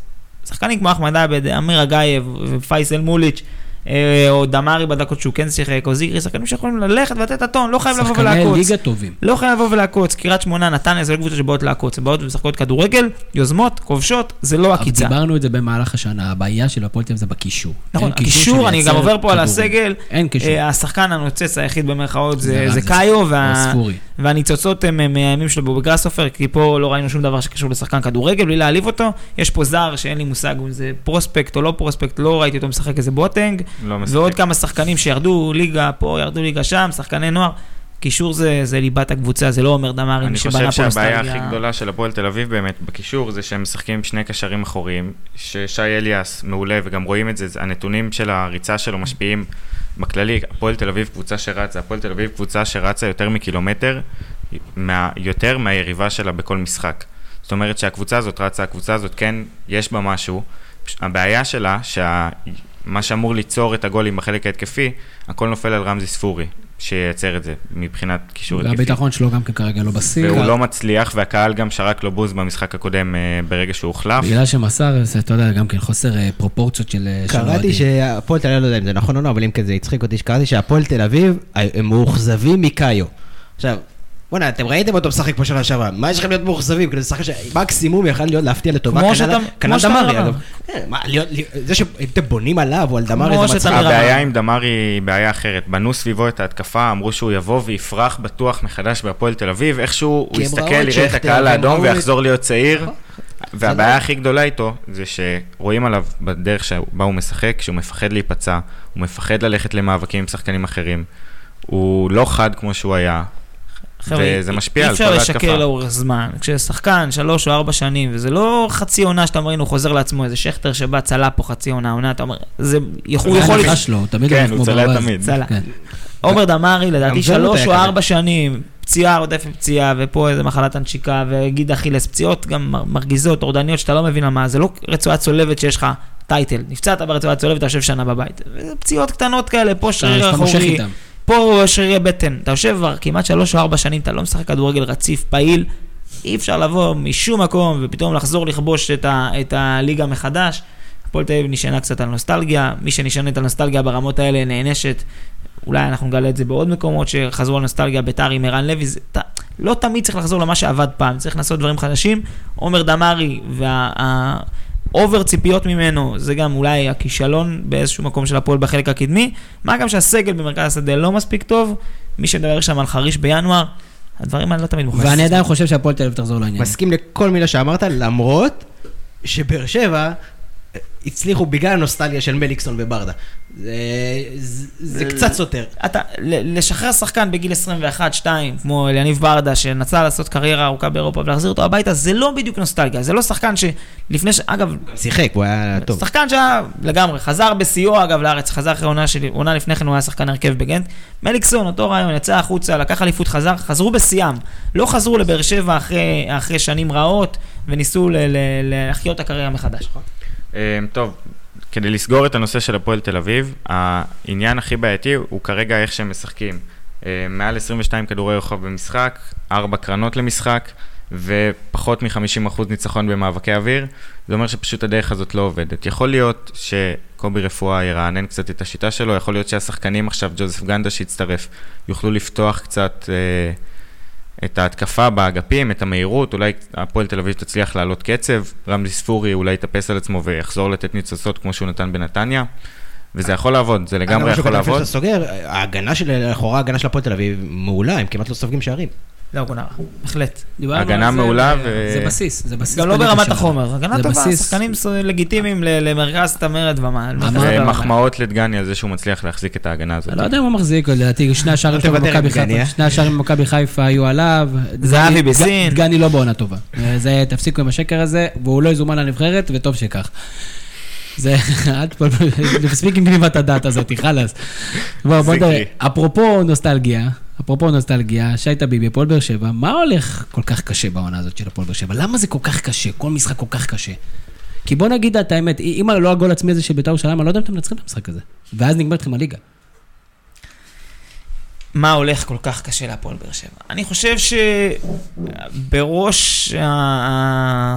בראש הקשיים זה העובדה שבכר עוד מתחבט עם עצמו, עם השיטה שהוא רוצה לשחק, מתאימה לסגל השחקנים שלו, אם, אם הוא בכלל מתאים לשחק בעץ השוח הזה שמילן היא הקבוצה, לדעתי היחידה בעולם ששיחקה איתו והצליחה, שזה פחות או יותר השיטה של באר שבע היום. הוא זנח עקרונות שבכר מאז שהוא מאמן שיחק ב-4-3-3 עם אמצע חזק בשביל שיטה שאני לא בטוח שיש לו את, ה, את כל הכלים כדי להוציא מים מהסלע בה. אה, זה נשען בעיקר היום על כישרון, וכישרון יש. כי ברמה הטקטית באר שבע, והיה לה עליונות טקטית מוחלטת כמעט על כל קבוצה בליגה, לא מייצרת אותה, יש לה פלונטר באמצע, ומשחק אגפים שכמעט ולא קיים, שנראה שהוא בעוכריה, אני חושב שבאר שבע גם יש לה איזושהי בעיה, בכר שבוי, במרכאות, במין איזה אסופת כוכבים שהוא מתקשה להבין את מי הוא מוציא מההרכב. אסלבנק נראה כמו זה ששילם בשבועיים האחרונים את המחיר, כי סימנו אותו כאיזה סאב שעולה מבחוץ ומשנה את המשחק שכולם עייפים, אבל בזמנו הוא עשה את זה עם וואקמה. גם נכון. וואקמה, כשהגיעו כל אסופת הכוכבים, דווקא וואקמה היה על הספסל, ורק איזה פציעה הכניסה נכון. אותו פתאום אחר כך מי. ש... מי שהפך להיות השחקן שיצא מהרוטציה זה בוזגלו בסוף עונת האליפות הראשונה ובקמפיין אירופה הוא היה שחקן משני יחסית. קשה לו מאוד לוותר על מליקסון וגם אולי אין סיבה. מצד שני מליקסון נופל בין הכיסאות, הוא לא שחקן דפנסיבי והמיקום שלו במרכז השדה הוא חור כשלעצמו. הוא הולך פחות קדימה כי הוא מנהל את המשחק מאחורה. יש פה איזה מין בעיה קצת. סבא משחק מאוד רחוק מהשער, לא בעמדה שהוא צריך לשחק בה, אבל מצד שני ראינו שכחלוץ, בטח כחלוץ לבד זה לא עובד. יש לו הרבה שחקנים טובים שמאוד קשה לו להרכיב אותם יחד. אנחנו, ואני אומר אנחנו, זה קהילת האוהדים שכן מביעים דעה אה, מקצועית, חושבים שבאיזשהו שלב ילכו פה לקונסטלציה של שלושה בלמים, לא יהיה מנוס, שלושה בלמים, אורן ביטון או קורות בשמאל, עם אלו בימין דווקא ולא בן ביטון, ויצטרכו לוותר על אחד מה, מאותם שחקנים שאתה כרגע לא רואה בחוץ. אני אגיד שגם אם באר שבע, וכנראה שזה מה שהולך לקרות, תאבד את העונה הזו, יש שם שלד וסגל טוב להמשיך להתחרות בצמרת הגבוהה גם בשנים. האחרונות, והרכשות האחרונות של, של סוף ספטמבר, הם שחקנים שאמורים להוביל את הקבוצה, אנחנו רואים את זה גם מאסלבנק וגם מסבא בכמה הבלחות, שזה בהחלט מה שצריך לקרות. הייתי שמח לראות את המפתחות אצל דיה, כי אני חושב שהוא שחקן פנטסטי, וכל הזדמנות שראינו, מחמיץ מול השאר, הוא בטח לא החמיץ עד עכשיו. הוא הוא ישים את הגולים שלו. צריך אני לתת לו את החופש שלו. אני אגיד חושב גם... שיש לו את החופש. אני אגיד שני דברים על שני שחקנים שאני מבחינתי סופר מרוצה מהם. אחד זה חאתם אל-חמיד, זה עונה, ראי- התגלח, דיברתי על זה נראה לי. למרות. הפוסט שלו. התגלח אה, חצי עונה לזקן של הפועל באר שבע, הגיע מקבוצה קטנה, זה בלם היום ברמה הכי גבוהה שיש בכדורגל שלנו, טכניקה נהדרת, מהירות, דברים שהם נפלאים מבחינתי. מרכז ההגנה של טאה ואל-חמיד שהיה מרכז הגנה לא יציב, התייצב מאוד. והשני זה אריק סאבו, לא הערכתי את האיכויות בביתר ירושלים, אני רואה אותם היום מקרוב בהפועל באר שבע. מבחינתי לפחות, סאבו הוא שחקן שאם השינוי המיוחל ברמה המנטלית יגיע ונראה שיש פה איזושהי קפיצת מדרגה, מבחינת איכויות הוא שחקן פנטסטי. הרבה אצלנו אגב אומרים שהוא מזכיר את אובן בטח בתרומה ההתקפית. אני יודע, זה לאוהד מהצד זה לא תמיד נראה, אבל הדברים אז- אז בתור אוהד מהצד, כל השנה שעברה סיפרת לי כמה איינבינדר השחקן הכי טוב שלכם, אני עדיין לא רואה את סאבו מתחבר, אני חושב שהוא לא מחובר. אני יודע שהוא אחלה שחקן עם אחלה איכויות, אני חושב שבטרייד הזה ביתר הפסידה. אני חושב שסאבו הרבה יותר אה, משוכלל מדן איינבינדר, אני עדיין לא רואה את זה אצל... אה, אז אני יכול, אני, יכול להגיד. אני יכול להגיד שיש שביעות רצון מאוד גדולה מאריק סאבו בינתיים מההשתלבות, מהדברים שהוא מוסיף למשחק שלנו שהיה חסר.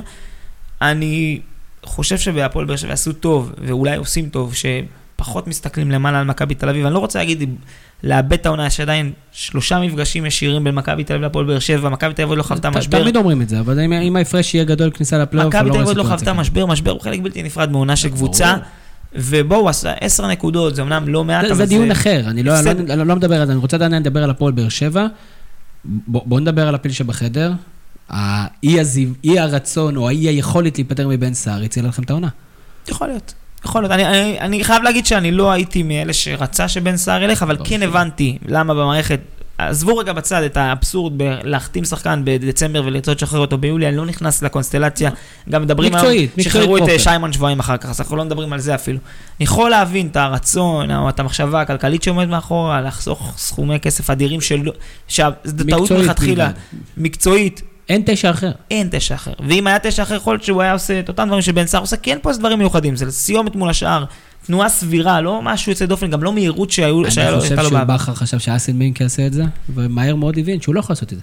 אסמנק לא יכול לעשות את זה, זה לא, ח- הוא לא היה חלוץ, הוא לא יהיה חלוץ, אבל אני אגיד פה משהו בלי להקטין את בן סער, ובלי רגע, בן בסט בעיניי הוא לא חלוץ, הוא גם לא היה חלוץ, מלבד אולי בעונת הנוער שלו ב- במכבי חיפה. בצרפת. הוא שיחק רוב הזמן בשמאל, לא, הוא שיחק, הגיע מהכנף, הוא שיחק ב- בעמדות קש... חלוץ שמאלי במרכאות, הוא לא חלוץ, מרכז... לא חלוץ מרכזי. אם מישהו חשב שבן בסט יכול להחליף את, אה, את סער, אז הוא טעה, אבל לצורך העניין, ולא בגלל שהוא כובש עכשיו בנתניה, אם מלמד היה משחק בעמדה של סער, לא בטוח שהיינו רואים דברים פחות טובים מסער. זאת אומרת, לא הייתי זוקף את כל הסופרלטיבים לבן סער, ואני לא ממעיט בו, כמו שבאר שבע רצתה חלוץ, הייתה צריכה חלוץ. אני לא אגיד עכשיו שמות של שחקנים שהם מבחינתי לא ב-level של בן סער, אבל שחקן ב-level של בן סער, חלוץ ישראלי טוב, יכל לתת אותם, את אותה התפוקה, זה לא... כמה כאלה יש? זה לא השאלה. אין אין הרבה. כאלו, אבל אתה יודע מה? יש משבצת זר פנויה לצורך העניין. אם היו מנחיתים חלוץ שמתאים, ולא פקארט שהוא חלוץ נהדר, אבל הוא לא מתאים לסגנון, בעל שיעור קומה, לא רוצה לציין שמות, אבל חלוץ טוב, יכול להיות שהיינו מקבלים אפילו... תמיד כשאתה אומר לא רוצה לציין שמות, זה כאילו יש שם לך אחד. שם. לא רוצה כן, לציין, כאילו, יש לך אה, אה, שם. כן, הגוורו, היינו מקבלים תפוקה טובה אפילו קצת יותר. אני לא מאמין בבן סער, אני רק חושב שהוא ניצל איזה ואקום ועשה את זה יפה. שתי שאלות. אה, אחד, דורון אלעד שואל, חגיגת השערים של השחקנים, אנחנו נדבר על זה, ובייחוד מה שעשה או לא עשה מליקסון נגד ביתר, הוא הוא לא חגג. מה מה הסיפור? הוא חגג את השער השני, אני חושב שאת השער הראשון לא חגג את השני, הוא חגג מליקסון אף פעם, אולי מלבד הגול הזה ב- ב- בבלומפילד, עם ה... לא, בנתניה עם ההורדת חולצה, ו... לא שחקן שמשתולל עליו ועושה ג- גלגלון, זה לא הסגנון. מאוד מאופק, אה, בוא נגיד, דאווין של קר רוח קצת, איזה אייסמן, זה לא הסגנון של המשתוללים, אני לא חושב שהוא לא חגג, הוא כבר חגג בטדי. עוד שאלה לגבי מליקסון, ניב, ניב נשיא שואל, האם הגיע הזמן להפוך את מליקסון להיות הסופר סאב, כזה ככה שהוא יוכל לתרום למשחקים בזמן שהשחקנים של היריבה עייפים, ואולי למשוך את הקסם קצת יותר זמן? כל עוד אה, עם יעמיק, אה, הרגליים בסדר, ו- ומרבית המשחק עובר דרכו, אין שום מקום להוריד אותו מה- מה- מההרכב. אפרופו משהו שלא כדאי להוריד, מכבי תל אביב, אה, כדאי להוריד, למה לא? לא, לא יודע, כל אחד ותפיסתו. ברק, מה עובד ל... לאיביץ'? הכל. הוא בן אדם הצליח ל- להרכיב סגל מדהים ורחב מאוד של שחקנים. בראש בראשונה הוא מצליח לנהל אגו. וזה... בינתיים. בינתיים. הכל בינתיים. אה, וזה משהו שלא האמנתי שיקרה, בטח עם אה, אה, טיפוסים כמו עטר, שלא מ... אני לא מאוהביו כל כך, והייתי בטוח שהוא יעשה שם הרבה יותר רעש ממה שהוא עושה, וגם לא האמנתי גם ששכטר יהיה כזה טוב כמו שהוא אה, לפחות פתח את העונה. וזה ניהול אגו וחולשה של היריבות, כנראה שווה פה לרוץ לבד בצמרת. יאמר לזכות מכבי תל אביב, שבעשור האחרון הם היו קבוצה טובה כל הזמן. גם כשלא לקחו תארים, היו ליד, סגל השחקנים היה בוודאות, הראשון, השני בטבעו בליגה, זאת אומרת, זה לא... גם הנפילות לא היו נפילות מאוד אה, גדולות. זאת אומרת שגם כשרצת בקיץ לבנות סביב הפייר פליי קבוצה חדשה, או לשפר אותה, יש בסיס מאוד מאוד טוב של שחקנים, בסיס ישראלי טוב, ומכבי תל אביב ניצלה את הפייר פליי לטובתה, הקפיצה להרכב, שחקנים שאולי היה ספק לגביהם, כמו דור פרץ, אני לא מבין איך היה ספק, כי מבחינתי הוא היה צריך, כבר בבאזל ראיתי שזה חומר אחר של שחקן אה, ישראלי, ניצלה אותו לטובתה, לא השתוללה מבחינת רכישות שהיו מיותרות לה בשנים קודמות. יש בה הרבה מאוד שחקנים טובים, והרבה מאוד שחקנים סבירים, שעולים על הגל והופכים לטובים יותר, כמו חלק משחקני ההגנה, אם זה המדור, שאני לא התרשמתי יתר על המידע שהוא בלם הרבה יותר טוב מהבלמים. היום אה, הוא בלם מחליף. היום הוא בלם, אוקיי, זה, זה רק מחזק את זה, או ייני שהוא בלם סביר, סך הכל מכבי תל אביב, אני חושב שייני לליגה שלנו הוא בלם טוב, הוא לא בלם. גם טוב. מנצל את החולשה- בגלל שהוא מנצל את החוכמה שלו. גם הוא מנצל את, החול... מנצל את החולשה של הליגה, מנצל את העומק הבלתי נגמר כמעט בסגל, ולדעתי גם מנצל את איזה סוג של חילופי דורות בהפועל באר שבע, איזה סוג של סובה. אם אתה שואל אותי, הכדורגל שלנו, בטח כמו שהוא נראה כרגע, הולך להתעצב ככזו שמכבי תל אביב, באר שבע, השתלטו בכמה שנים הקרובות על, ה... על הצמרת, כמו שקורה עד עכשיו. חיפה זו היחידה, יחד עם ביתר, שיכולות להידבק. זאת אומרת, מכבי תל אביב תהיה שם ליד, היא תיקח אליפויות, היא תיקח העונה, היא אולי תיקח בעונה. זה, זה היה צריך לקרות, אי אפשר להמשיך לקחת אליפויות תמיד, ואם מישהי לא תיקח אליפות אחרי, באר- אם מישהי תיקח אליפות אחרי באר שבע, מכבי תל אביב זה הראשונה להיות שם. אני חושב שמה שצריך להדאיג בעיקר את שאר הקבוצות שנלחמות עם מכבי תל אביב על האליפות, זה שכמה שמכבי תל אביב נראית טוב, היא יכולה להיראות הרבה יותר טוב. זה אפשר אה, להגיד על כל קבוצה. היא פשוט עושה את הדברים בהילוך שלה ומאוד בטוחה בעצמה, והגולים מגיעים גם כש... כשנראה שהם לא עומדים להגיע. אחד הדברים שאנחנו צריכים לדבר עליהם זה השיפור העצום. אני לא, אולי לא שולט במספרים, אבל מכבי תל בטח בשנים האחרונות לא הייתה קבוצה שמקבלת כדור, מקבלת שערים ממצבים נייחים, וחמשת השערים האחרונים של מכבי תל הגיעו ממצבים נייחים. זאת אומרת, עומר אצילי, או עם יונתן כהן כשהוא נמצא, זה שחקנים, זה, זה משמעותי. ואני חושב שזה אחד מהדברים. עוד דבר שאיביץ' עושה, משחק הלחץ של מכבי תל אביב הוא משחק ברמה מאוד מאוד גבוהה, אדם רוזנטל הראה את זה בגרפים שפרסמנו בדף הפייסבוק שלנו בשבוע האחרון, וחושב שהראיון שקיבלנו, אתה יודע, תמיד מתראיינים אחרי משחקים טובים והכל, וזה תמיד הכל נשמע בלבב, אבל רואים את הנתונים, גם כן ליאוז אקירב העלה את זה גם כן בטור אה, אצלנו.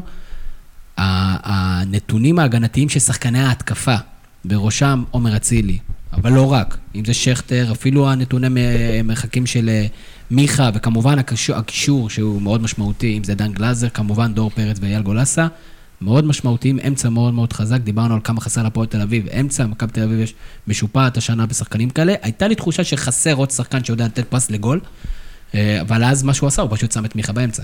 בתור, כשמאחוריו שני בולדוגים, אה, אם זה גו- גולסה ודור פרץ, או אם זה גלאזר ודור פרץ, זה, זה מאוד משמעותי. שוב, עדיין לא הגיע משבר, עדיין כל הדברים נכונים, צריך לנהל את הסיפור הזה עם אלירן עטר, שכרגע הוא מצליח להוציא ממנו את המיטב, אבל לשחק על הגבול.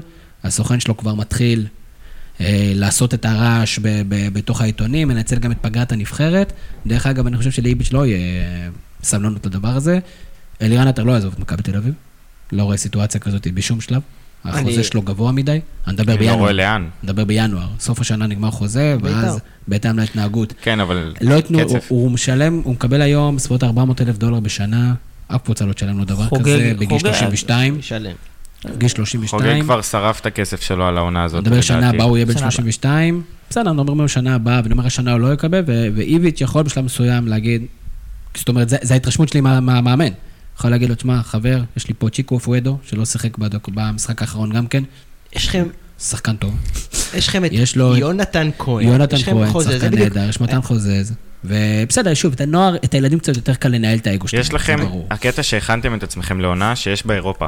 יש לכם. סגל ענק, אני- יש אני- לכם רוטציה אגב, זה הדבר מדהימה. שהכי פחדתי ממנו ברגע שמכבי הודחה מאירופה, הדבר הכי פחדתי ממנו זה כמות הסגל, כי גם לי חבל שמאור קנדיל לא יקבל את כמות הדקות שיכול, כי לדעתי הוא לשמור נהדר. זה, זה. משהו שמאוד מרשים אותי באיביץ', ומצד שני אני מאוד כועס על חלק מהשחקנים. אה, מאוד מרשים אותי שכן נתנו השנה הזדמנות לצעירים, נתנו לגלאזר, נתנו לדור פרץ, עשו לשחקנים ש... שחר פיבן, אני בשוק כל שבוע שהוא עולה אני בשוק. יפה. נתנו, וזה מאוד מרשים אותי, וכיף כאילו, כיף לראות שחקנים ישראלים. מצד שני, אני כועס מאוד, מאוד כועס ומאוכזב משחקנים כמו יונתן כהן ומחוזז, וכשא' כל מקבלים את המצב, ב' כל... הגעתם בתחילת שנה, ראיתם את המצב, ראיתם את הסיטואציה, תצאו החוצה, זה שנת קריירה קריטית, קריטית, קריטית, אתם לא משחקים. עכשיו, מועדון, כמו- גם אה, הליגה הולכת חלק, הולך קל, תנו להם לשחק. למה משחקי, משחקי, למה קשה איתם? מי? מכבי תל אביב? כן, כל- אתה- מה- מה זה הולך חלק? אין דבר כזה לשחק. חלק. אז אה, לא תיתן דקות לריקן, או לא תיתן ל... החוצה. אני יודע שלא צריך להטיל את ה- את הגורל של הכדורגל הישראלי במכבי תל אביב, הם מועדון שרוצה לקחת אליפות, הכל טוב. אני כועס על השחקנים. אני כועס אני כועס אני עליו. חושב שזה סיפור קצת ספציפי. יונתן כהן התראיין בנושא הזה. מכבי תל אביב יש מדיניות שאומרת, אתה רוצה שאנחנו נשאיל אותך, בוא תחתום על חוזה. זאת אומרת, עבור השנה שאני, אתה לא נמצא, אני רוצה לקבל עוד שנה שלך. יונתן כהן לא הסכים לחתום על חוזה כזה, כי הוא כבר הושאל פעמיים, והוא לא רוצה. הוא אומר לעצמו, אני אמשיך להיות מושאל. לא שזה כזה רע להיות uh, בבני יהודה, אבל הוא לא רצה. הוא לא רצה, הוא אמר, אני מעדיף להילחם על המקום שלי. שלב, דרך אגב, זה היה אחרי אירופה. זאת אומרת, אחרי אירופה נגמר, היה כבר ברור את הסיפור. זה היה המטרה, הוא לא רצה, אני חושב שאותו סיפור היה עם מתן חוזז. אני באמת חושב, וראינו את זה בתחילת השנה, שאיביץ' רצה ובנה על מתן חוזז, אבל איביץ' הוא קצר, ב... קצר במחשבה. במידה ומישהו מעצבן אותו, מרגיז אותו, לא עושה משהו כמו נגיד מתן חוזז, מתן חוזז בזמנו, במשחק באירופה, קיבל כמה כדורים, לא מסר, הוא חוטף סיבוב, והוא, מאוד חשוב לו המשמעת הטקטית בנושא הזה. אני- בטח במשחקים כמו נגד קריית שמונה בחוץ, אני דווקא חושב שזה מהלך מאוד נכון של הצעירים להיות עונה אחת במכבי תל אביב ולהילחם על הדקות, גם אם לא דקות קלות. יש משהו בלרוץ לאליפות עם קבוצה ולהיות חלק מקבוצה שנאבקת בצמרת, להידבק בשחקנים טובים ולקבל קצת... אה, אה, אימונים יש- טובים, יש הבדל. בין. פיבן, שאף אחד לא ידע ולא שמע, לבין יונתן כהן שכבר נתן עונות טובות בליגת העל.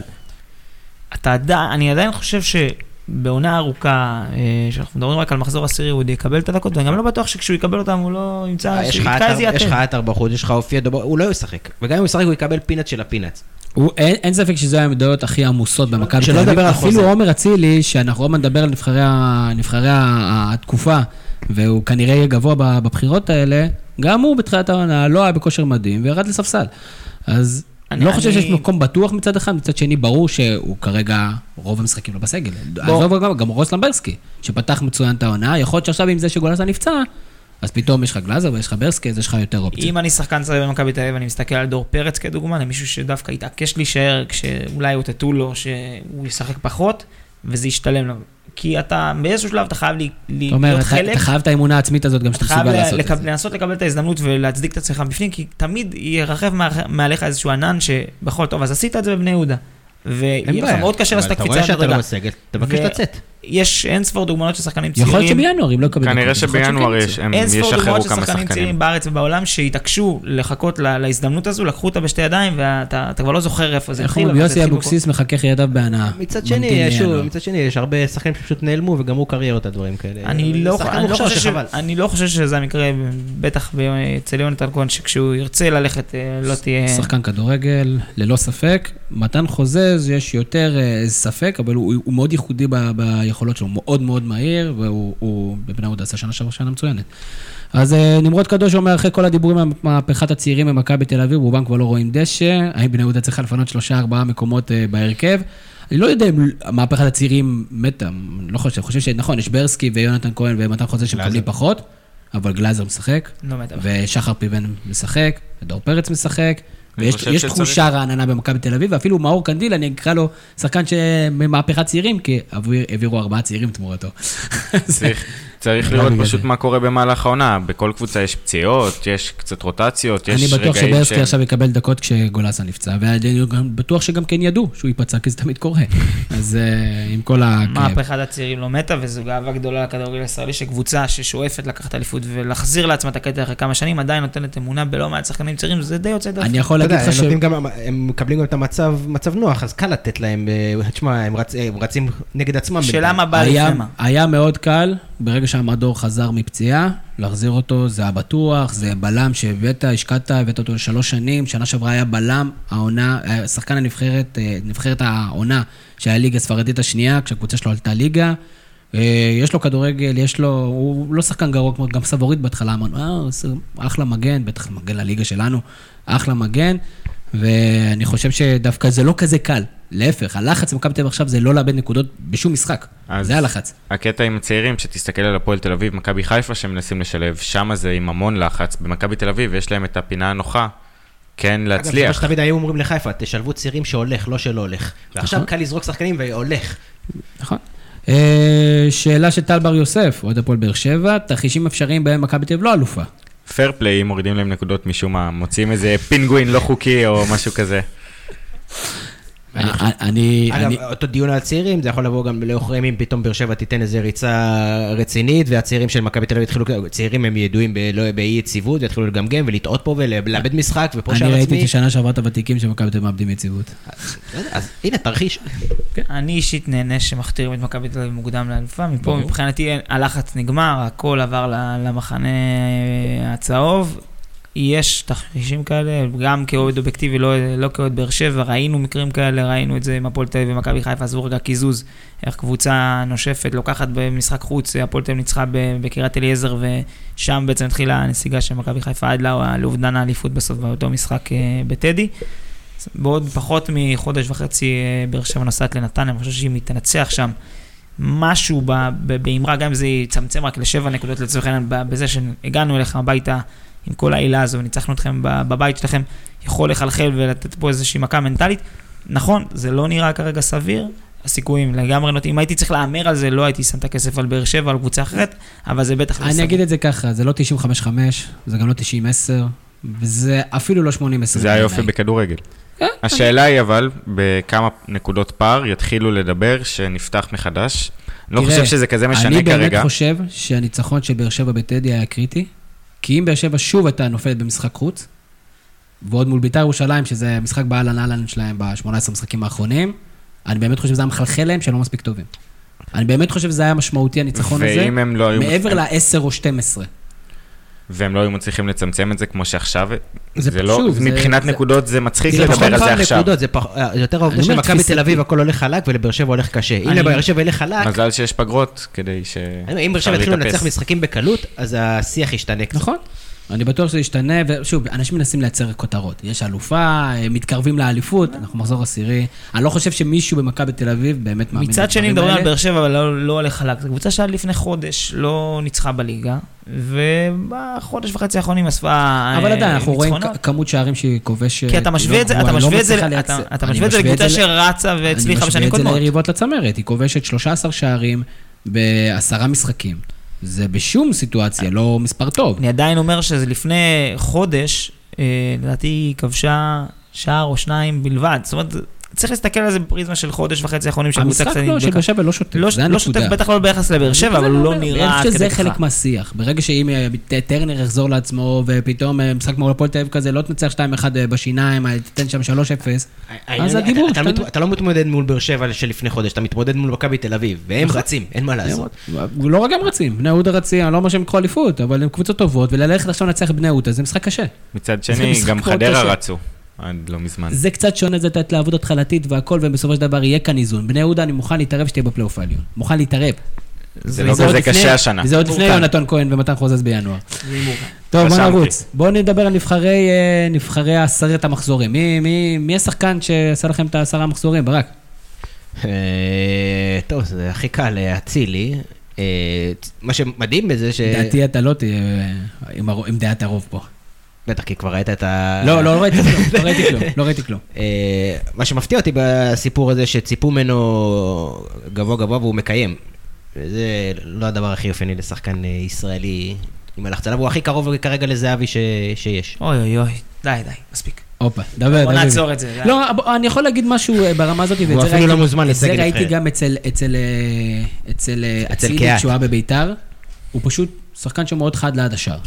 לי והוא שחקן של מספרים. מפה זהבי, הגיע הזמן שנפסיק לכל שחקן שכובש פה עשרה שערים להשוות לזהבי, זה היה דבר חד פעמי. אפשר לדעתי. לנסות לשלוח לסין, לראות אם זה עובד שם. אני דווקא הולך עם דור פרץ. אני חושב שהבגרות במשחק, העיצוב של מרכז השדה, החוזק של מכבי במרכז השדה זה שובר השוויון, אם יש שוויון כרגע. אה, ודור פרץ מבחינתי עושה רושם כמו השחקן הישראלי הבא שיצא לאירופה ולא לאיזה ליגה בלגית. אה, מתחיל להזכיר כזה שחקנים שיצאו לפני כמה שנים לאירופה עם, אה, לקבוצות, למועדונים, זה נראה כמו שחקן, כמו הדבר הבא של הכדורגל הישראלי, ומבחינתי אצילי אה, תסכימו או לא תסכימו, זה קצת קרוב או מזכיר את תקרת הזכוכית, ודור פרץ מבחינתי יכול להיות שחקן ישראלי שיעשה קריירה אדירה. תקרת זכוכית גבוהה מאוד לליגה. אני, אני- אבל אני פחות, זה, זה להיות אה, ראש לשועלים, זה אני קצת פחות, אני חושב שדור פרץ נראה כרגע כמו הדבר הישראלי הגדול. שוב. זה גם דיון אחר, להגיד מי יותר מתאים להישג, זה... חוזר בי, כרגע דור פרץ נראה כמו הדבר הישראלי הגדול ביותר, כמו המנוע של מכבי תל אביב במרכז והשדרוג המגרש. שלו זה הכניסה מקו שני, מה שהוא לא עשה בעבר. אני חושב שהוא עשה והחמיץ המון. אני זוכר את דור פרץ גם בעונה של מכבי תל אביב, סילת האליפות לבאר שבע ועונת ליגת האלופות, הוא עשה המון, החמיץ ברמה מטורפת, נכון. נראה הרבה יותר בוגר מול השאר. מבחינתי אמרתי, זה זה הדבר הגדול. יפה שאתה מפרגן למי שניצח אתכם בטרנר, יפה. אני יודע שדיברו על דור פרץ בסקוטלנד שהוא שילוב בין אה, ניר ביטון לאיזה בירם קיאל כזה, אז ככה מחמיא לו מאוד, ויכול להיות שהוא כבר בדרך לשם. לסקוטלנד? אני מקווה בשבילו שלא. אני מקווה, לסקוטלנד אני מקווה שלא, אבל בדרך לשם ל, לרמות. אז- ל, אז מי השחקן שלך? אה, אני הלכתי עם ירדן שואה, למרות ש... הוא לא, הוא לא הכי טוב, אבל הוא מבחינתי הכי מרשים ב, ביכולת שלו ובכל הלחץ שמופעל על שחקן צעיר, להמשיך לתת הופעות ולבוא ולא לפחד, וביחד עם צ'יבוטה בחוד, לעשות דברים שם שהם בהמשך באמת לשיחה יוצאי עם דופן. יונתן כהן וזה, אני מקווה שהקשקוש הזה ששומעים שהוא כבר מקושר לקבוצות גדולות, אני מקווה שהוא מספיק חכם כדי לא לעשות את לא הטעות זה הזאת. לא לחץ על הנהלות, אה, פתאום לפתוח לו חוזה או משהו כזה. לפתוח לו חוזה בינואר כבר. כן, אני חושב, וגם כן, הרי הסוכנים האלה מתים מהשטויות האלה. אני אלך על אה, אייל גולסה. אייל גולסה הוא כביכול הפחות זוהר, כולם מדברים על דור פרץ ובצדק. אייל גולסה רץ הכי הרבה על המגרש, מטריף את כל, ה, את כל הקהל הצהוב, והוא גם כן חוטף המון כדורים בחלק הקדמי. הוא השחקן שלי. אם אנחנו מתחילים את הסבב של התגלית, לדעתי ירדן שואה, נכון שהוא היה שם לפני שנה, אבל הוא, הוא ממש מפלצתי. המספרים שלו מטורפים. והוא גם כן אה, שחקן אה, שהוא גם כן מוסר הרבה, יש לו הרבה בישולים. דרך אגב, גם שם יש להם דו- דולב חזיזה, שהוא גם כן שחקן בזה, וכל מיני, אתה יודע, ומישהו כאילו חולק על הדבר הזה, או שאנחנו לא, צריכים לקיים על חושב זה דיון? שאנחנו לא. אנחנו מסכימים. איתך. אני חושב, וזה יחבר אותי לתופעה, והתופעה מבחינתי זה יוסי אבוקסיס. ולמה זה תופעה? בגלל שאתה, לא משנה מי השחקנים אצלו. פשוט לא משנה מי השחקנים אצלו. הוא מרכיב, אני לא יודע איך הוא יהיה בקבוצה יוזמת, אני לא יודע. כשדיברו על זה שמכבי חיפה רוצה את יוסי אבוקסיס, והציעו עליו הצעה, ואני מניח שזה קרה, אני לא יודע איך הוא היה מתנהג במועדון שהוא צריך ליזום כל הזמן. אני לא חושב שב- שבני יהודה של- שלו השנה היא קבוצה שיוצאת לבונקרים, ממש לא, אבל היא קבוצה שחיה מהתקפות מעבר. הוא מיציאה מאוד מהירה קדימה, ותשמעו, הוא עשה על זה, הוא בולט מאוד. אצל אבוקסיס שהוא שולט בקבוצה ברמה אבסולוטית, זה נראה קצת יותר כמו מאמן כדורסל מכדורגל בהמון מובנים, כל שחקן יודע את המקום שלו והקבוצה מאומנת לעילה, אין, אין מה להגיד. תופעה, הייתי אומר שזו תופעה אם זו הייתה השנה הראשונה, זה, זה כבר חמש או ארבע או קצת יותר שהוא... הוא עשה את זה בבני יהודה, אחרי זה עשה את זה בבני סכנין. ושוב בבני יהודה. זה בבני יהודה, הוא הוציא את מאור קנדיל, לוקחים לו את מאור קנדיל, הוא אומר, טוב, יש לי שי קונסטנטין, תשמע, הוא מציל לפעמים שמות, ריג'ני מהמנג'ר, ו... ומריץ אותם. התופעה מבחינתי חייבת להיות חדרה, כנ"ל. אה, כי אין מה לעשות, אתה מביא מועדון שלפני שנתיים היה בליגה א' עם מנ- מנשה זלקה, כל השחקנים שאתה אומר, מי, מי, מי, מאיפה? וחדרה היא התופעה מבחינתי, אבוקסיס הוא, הוא כוכב, הוא כוכב, הוא כוכב, הוא היה כוכב כדורגל, הוא מאמן כוכב אצלנו, מדברים עליו לא מעט, שנה שעברה, שאף פועל בני יהודה, דיברנו על אבוקסיס יותר משדיברנו על מכבי תל אביב אה, בחמישה פודקאסטים ביחד. אז זה לא יכול להיות אה, אבוקסיס, זה, זה מבחינתי הפועל חדרה. זה רק מראה לך מה זרים טובים, איך מעיפים אותך גבוה בליגה. התופעה שלי היא גם אה, לגמרי, אבל יש משהו שכדאי לשים לב אליו, זה בקריית שמונה, שיש חילופי דורות במשפחת אבוחצירא. יואל, הבן דוד של שמעון, יפה מאוד, אה, אחלה נקודה. חוזר... ואח של בראון. סמואל גם- בראון, גם נכון, אבל אה, יואל מתחיל לכבוש ושמעון עוד לא כבש העונה, ויש קצת אה, עשר שנים הפרש ביניהם, אולי זה חילופי דורות בקריית שמעון שמונה. עושה סרטונים של שומרים על הבית. הוא שומר על הבית, אבל הוא לא כובש גולים. בינתיים. לא יוצא מהבית. אה, שחקן מאכזב. אני חייב להגיד דמרי. אני חייב להגיד עומר דמרי, בנו עליו קבוצה. הוא היה השם שדיברו עליו, הוא מקבל את הכסף, הוא זה שאמור להבקיע את הגולים. המאכזב הוא שבניתם. זה מה שמאכזב. זה, בדיוק... שלא לא, זיהי- לא הייתם הראשונים לזהות ולא הייתם צריכים להיות ראשונים בכלל. זה מה שמאכזב. אני- כן. ואני אומר את זה לא, לא, ב- לא, בצ- לא בצ... זאת אומרת, הכתובת הייתה על הקיר, כתובה באותיות... אה, זה. בדיוק העניין, לא היה לזה שום גיבוי. לא היה שום גיבוי לצד, להביא את עומר דמרי, ופשוט זרקו אותו, אמרו, הכל בסדר, הפועל תל אביב קבוצה טובה, כי יש לנו את עומר דמרי בחוץ שישים את הגולים. וזה לא קורה.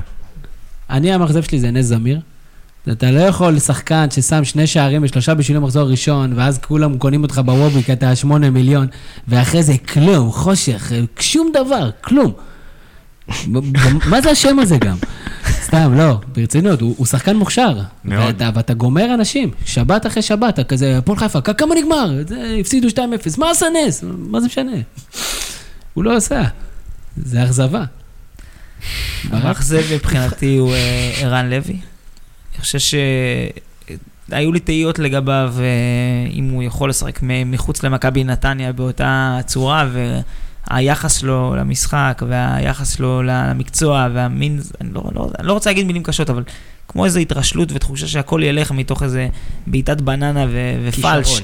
כישרון. וכישרון נטו מרגיז אותי, שחקן שממשיך להצדיק את זה שרוב השנים הוא היה שחקן בינוני בקבוצות קטנות, ומוכיח שזאת ההבלחה חד פעמית בקבוצה שהכל הלך לה. אה, לא, לא, מה ש- אתה, אתה קצת נסחף בעיניי. מה שכן, אני בעיניי... ש- אני- אני ב- עוקב ש- אחרי רן לוי מתחילת העונה בבית"ר ירושלים. הסיטואציה בביתר ירושלים לא אה. טובה לו, ההחלטה הייתה רעה. אני אני כבר לא מדבר על זה, אבל אתה להגיד שזו רואה, הייתה הבלחה? אני לא, לא יודע, הוא אתה- שחקן של מספרים. הוא שחקן של מספרים שלאורך הקריירה, המספר הנוסף שלו היה חוסר יציבות. זאת אומרת, זה שהוא ידע לבעוט מ-30, אתה רואה שחקן כדורגל, יש סיטואציה בקבוצה שכרגע נמצאת בתחתית, ובונה עליך אם תרצה או לא תרצה, והקהל שלה מעריף עליך כל כך הרבה, אתה רואה את החוסר עבודה, משהו במשחק כדורגל, שזה זה לא שייך לשם, זה לא שם, ת, תיקח את עצמך קדימה. אני חושב... תביא לא את מת- עצמך לא ל- מתאים לרמה. לקבוצה גדולה בעיניי. אני חושב ש... לא יכול הוא להיות שחק- אחלה שחק- לכל קבוצה לפני. ארבעה חודשים משחק בנבחרת, אז זה מאכזב מבחינתי. שאני חושב שמבחינת. כדורגל אולי הוא מאכזב, אבל מבחינה חיצונית הוא, הוא, מדבר כמו שצריך, הוא יודע לדבר, למרות מה שהיה. עם גיא לוזון,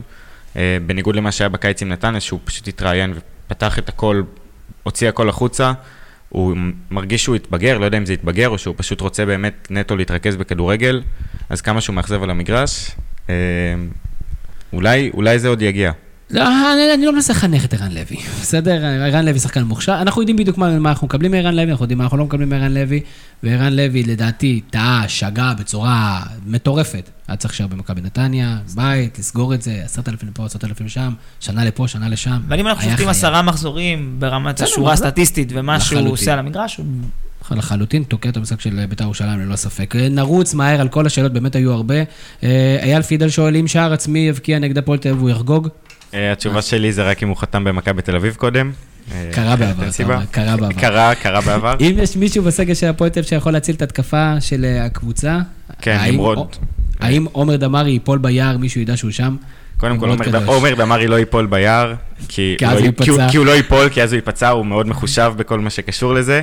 אני חושב שג'וזף גנדה שנכנס עכשיו נותן רעננות ממש טובה לכנף של הפועל תל אביב, ואני חושב שעכשיו אמיר אגייב אולי יוכל לשחק קצת, אה, אולי קשר במקום ספורי, ויש דברים לעשות. יש חומר שחקנים בחלק ההתקפי של הפועל תל אביב, שיכול לתת שערים כמו כל קבוצה אחרת מצד בליגה, אם שני, לא התהייה יותר. הזאת שלך הייתה תהייה של ליגה לאומית קלאסית. האם הוא מסוגל... אה, בסדר, בוא נראה מה יהיה. אני, אני כן חושב שזה זה יתחבר, אני כן חושב שגם קוברי רפואה הוא מאמן יותר טוב ממה שנותנים לו קרדיט. אה, שי טביבי, מי יסיים כמלך שערי הליגה? שואל רום טלדן. שחקן של מכבי תל אביב. איזה? איתי שכטר. אני דווקא חושב שזה צ'יבוטה כזה. אני רשמתי את צ'יבוטה, אני חושב שהוא פשוט לא מפסיק, הוא מאוד רעב, רואים את זה בחגיגות שלו. הוא, הוא נהנה מזה, הוא נהנה מלהבקיע עם שישה שערים כרגע, ואני הולך איתו. אגב, צ'יבוטה, הוא הוא עבר סופית לבני יהודה בעסקת אה, קנדילה שהוא שאל. אה, הבנתי שהוא עבר סופית, 50% מה- מהמכירה, אתם המצאתם את העסקאות האלה. מי הזר הכי טוב עד עכשיו אה, בליגה? לי יש אה, יציאה שהיא קצת מפתיעה, היא הפתיעה גם אותי. בהתחלה חשבתי שלוי גרסיה מקריית שמונה, ראיתי אבל אותו מסתבר משחק, שלא- שהוא יהודי. ראיתי אותו משחק וזה היה מדהים, ובלון אחמדי, פשוט נותן משחקים. ברמה, הוא נהדר. רמה מעל, רמה הוא מעל שחקן הליגה. וובי לא מאכזב. תלמד. הוא רמה מעל הליגה. הוא פשוט הוא- מרגיש לי שהוא מהזרים ההפתעות. איך- איזי עושה את זה כל הזמן? אני בכל זאת הייתי בוחר בפלומיין, שעשה פה כמה. דברים, אה, באמת, של של שחקן ברמה הכי גבוהה. מי הישראלי הבכיר הבא, אה, הבא, לא הבכיר, הישראלי הבא שיימכר לליגה בכירה באירופה? אמרתי. בכירה. אמרתי. דור פרץ. סוף שנה? מה קורה עם הנור סולומון? כמה כסף עכשיו רוצים עליו? מה... בואו נייצר שניים שלושה משחקים של יכולת טובה ונחזור לדבר על המועדונים שהוא דיבר עליהם. דור פרץ. אה, ירדן שואה לדעתי בסוף העונה כן הצליח למצוא לעצמו איזה חוזה טוב באירופה. ליגה בכירה. מבני יהודה לא מגיעים לדעתי לליגה בכירה, ממכבי תל אביב יכול. אה, ליגה בכירה. לא. בלגיה, גם תרצה- מכבי תל אביב אוהבים אבל להשאיר אצלם את השחקנים דודו- הטובים. דודו לוקח לבלגיה. נכון, יהיה קשה להוציא שחקן בואכה מכבי תל. אביב בגלל... ה- דו- דודו לוקח לא, לבלגיה. בגלל זה אני חושב שבאמת דור פרץ יצא אולי רק לליגה בכירה, ולא יצא לליגה אחרת, בגלל שההבדלים בשכר כנראה לא יהיו כאלה להוציא משמעותיים. שחקן ממכבי תל אביב זה להוציא כסף. זאת אומרת שהוא צריך להיות שווה את זה. נכון. אדם רוזנטל בשלל שאלות, אני אנסה להתמקד, במרכזיות שבהן. אה, מה הסיכוי שנראה קבוצה גדולה יורדת ליגה עונה? דיברנו על זה קצת, אנחנו לא חושבים שזה יקרה בסוף. הפועל תל אביב יכולה להסתבך, לא הכל יודע, תלוי בזמן. הקרוב. אה, כן, מה? גם ביתר ירושלים כרגע, אנחנו מדברים לא, לא שתצא, תצא, תצא, הם במקום האחרון בטבלה. הכל יכול לקרות. זה נכון. מי מהן ממש תיאבק נגד הירידה? אז אנחנו הפועל תל אביב, בית"ר הפועל תל. אביב חד משמעית. עדיין אה, זה, מי המועמדות המובילות לירידה דיברנו. אה, מה ההסבר שלכם לעוצמה של בני יהודה מושר הליגה? כולנו אמרנו, מאמן.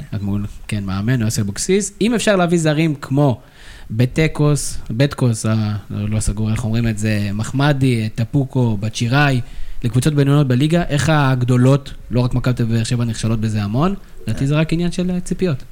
אני הרבה חושב שהם מחפשים... ודקות משחק. אני חושב שזה קשור גם לשכר שבו אתה מחפש להביא את השחקן שלך. אם אתה מסתכל לפי שכר ואז לפי שחקנים, מה אתה יכול להביא ביותר כסף שנחשב כביכול יותר טוב, לעומת לחפש באמת שחקנים בתקציב שלך, כמו שהקבוצות, הפועל רעננה שעשו את זה, קריית שמונה שעושים את זה, מסתכלות על התקציב, רואות מה הן יכולות להביא, ומתאימות לעצמן מה שמתאים לקבוצה, וזה מתחבר, זה פשוט עובד. אני חושב גם הרבה יותר דקות, הרבה יותר שטח, אה, הרבה פחות לחץ. שלושה שחקנים על הגב שלך.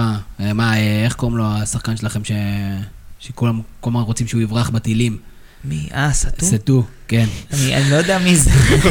הוא מתחמם מדהים. אז הוא. גם, אז הוא שיחק, הוא מתחמם מדהים. אז הוא שיחק גם כן איזה משחק או שתיים, בכל קבוצה אחרת, הוא מקבל דקות, אתה מקבל מחזור חמישי, כן, הוא שישי, שחקן, הוא היה שביעי. קפטן של ננסי, זה לא קבוצה שאתה, אתה- כאילו, אתה חייב לדעת כדורגל, אבל כרגע זה לא, לא אתה. בחייב, בגדול חייב לדעת צרפתית, לא מעבר לזה.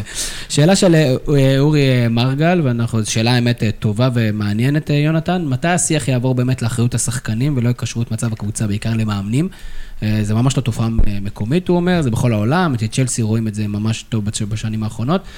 ושחקנים צריכים לעבור, אתה יודע, לשחק מול האוהדים, מתי זה יקרה, אם זה בכלל יקרה, או שזה פשוט הרבה יותר קל. אני חושב שגם זה הרבה יותר קל, וגם הם, ההבדלים של בין מה אתה רואה שמאמן מוחלף לבין מה שאתה רואה ששחקן, נגיד, אה, קצת מסופסל, הם הרבה יותר גדולים. מאמן יכול לקחת קבוצה ולהגיד לכל שחקן בדיוק מה הוא רוצה ממנו, ורואים את זה על המגרש.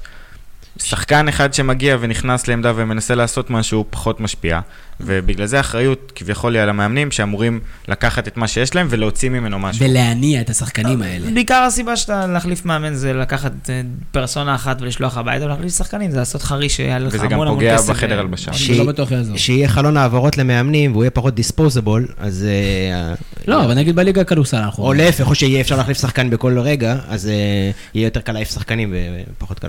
מסכים לחלוטין. אה, דור חכמון אוהד הפועל אשקלון, אז קודם כל, תהיה- אם אתה דואג- אם אתה גר באשקלון, אנחנו מאחלים לך שיהיה לך לילה שקט ובטוח. איזה קבוצות יעלו מהלאומית השנה?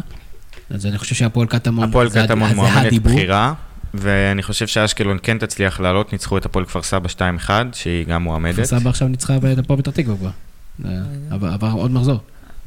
אה, יותר קל לי לענות על ליגה סינית שלישית. אני אה, חושב שקטמון בדרך הבטוחה, וכפר סבא ואשקלון אני חושב שזו נאבקות ליגה שם. משוגעת, ותמיד מגיעים ברגע האחרון כזה, זו קבוצה בסוף קבוצה לא. רוצה לעלות, ומישהי אחרת... ליגה לא למעשה במקומה. השאלה, בדיוק, התשובה שלנו היא דור, היא שאנחנו, אני מתנצל, אנחנו לא בקיאים, אבל זה בדרך כלל מי שלא רוצה לעלות. לא, זו לא התשובה, התשובה היא בליגה הלאומית מתעניינים במחזור הציון. בדיוק. זה, זה, ואז יהיה או שהקבוצה. שלך יורדת ליגה. בדיוק, אה, כן, זה נכון. אה, טל בר יוסף שואל, אם חס וחלילה המצב ביטחוני ממשיך, אם אתם באר שבע, אשדוד, אשקלון, מה הפתרון המועדף עליכם? העברת ביתיות, מה שאסור, אה, עשוי ליצור רצף של 4-5 משחקי חוץ רצופים, או משחקי רדיוס במשחקי בית? לא אני שזה חושב שזה. לא רלוונטי כל כך כרגע, למצב הנוכחי שבו אנחנו נמצאים, אבל בכל מקרה? כדורגל זה בשביל... מה, מה היה שפספסתי? הפסקת אש כרגע, אנחנו... יש הפסקת אש? חמאס יודע? חמ- חמאס הודיעו. אוקיי. אה, הכריזו על תיקו. אז אני חושב שכרגע זה לא רלוונטי, אבל גם אם זה יהיה רלוונטי, אני חושב שמצד אחד צריך לשחק, זה מה שישמח את האנשים שנמצאים במצב הכי גרוע שאפשר להיות בו כנראה, אה, המון לחץ, וזה יכול לתת אושר לאנשים. אה, וכן, אם זה יהיה לתקופה קצרה, אני חושב שהחלפת ביתיות זה משהו שהוא לגמרי אפשרי, משחק רדיוס זה פחות רלוונטי, לא כזה ש... קל, כי יש הרבה קבוצות שמשחקים על אותו אצטדיונים. נכון, ו- אבל אני כן, חושב חמישה שהמינהלת... אצטדיונים אני כל חושב- הפועל. באר שבע נענשה בעבר, בעבר לפני כמה שנים טובות, שבעצם שיחקה משחקי רדיוס. זה לא היה, כשהייתם, בווסרמיל זה לא היה כזה עונש. אני אגיד, אה, מבחינתי, במרחק. שאם הגענו למצב שאי אפשר לתפקד בחבל ארץ אה, במדינת ישראל, בעיניי לפחות אין מקום לשחק כדורגל, אני יודע שאתם לא תסכימו. לא, לא יודע, לא, לא יש פה חושב- אין- אמרה? אין לי, אין לי איזה... יש פה אמרה, של לא חשבתי על זה. לעומק. יש פה אמרה... אני לא חושב על היתרון המקצועי של קבוצה שלי. לא, אני לא מדבר, אני לא שלך. מדבר ברמת יתרון מקצועי. יש פה אמרה מבחינתי שאם מישהו ב- ב- במדינה הזו נענש, ויש לנו חבר'ה לא מעטים שנענשים הרבה זמן, אין מקום לקיים חיים כסדרם במקומות אחרים, גם אם זה כל מיני טייטלים, פרס גם. מכבי חיפה נסע. לקפריסין וכל מיני המצאות כאלה. זה, זה, אם המדינה לא מסוגלת לתת ביטחון בחלק אחד, אנחנו לא הולכים כן, למשחק יגידו, פוליטית, פר- פרס לטרור, אלונה לא- שולטת בהתאחדות. זה לא פרס לטרור, תעשה שיזרוע את זה. זה שיזרוע נוסף. טוב, אה, אה, שלום חן אומר, אה, שלום גם לך.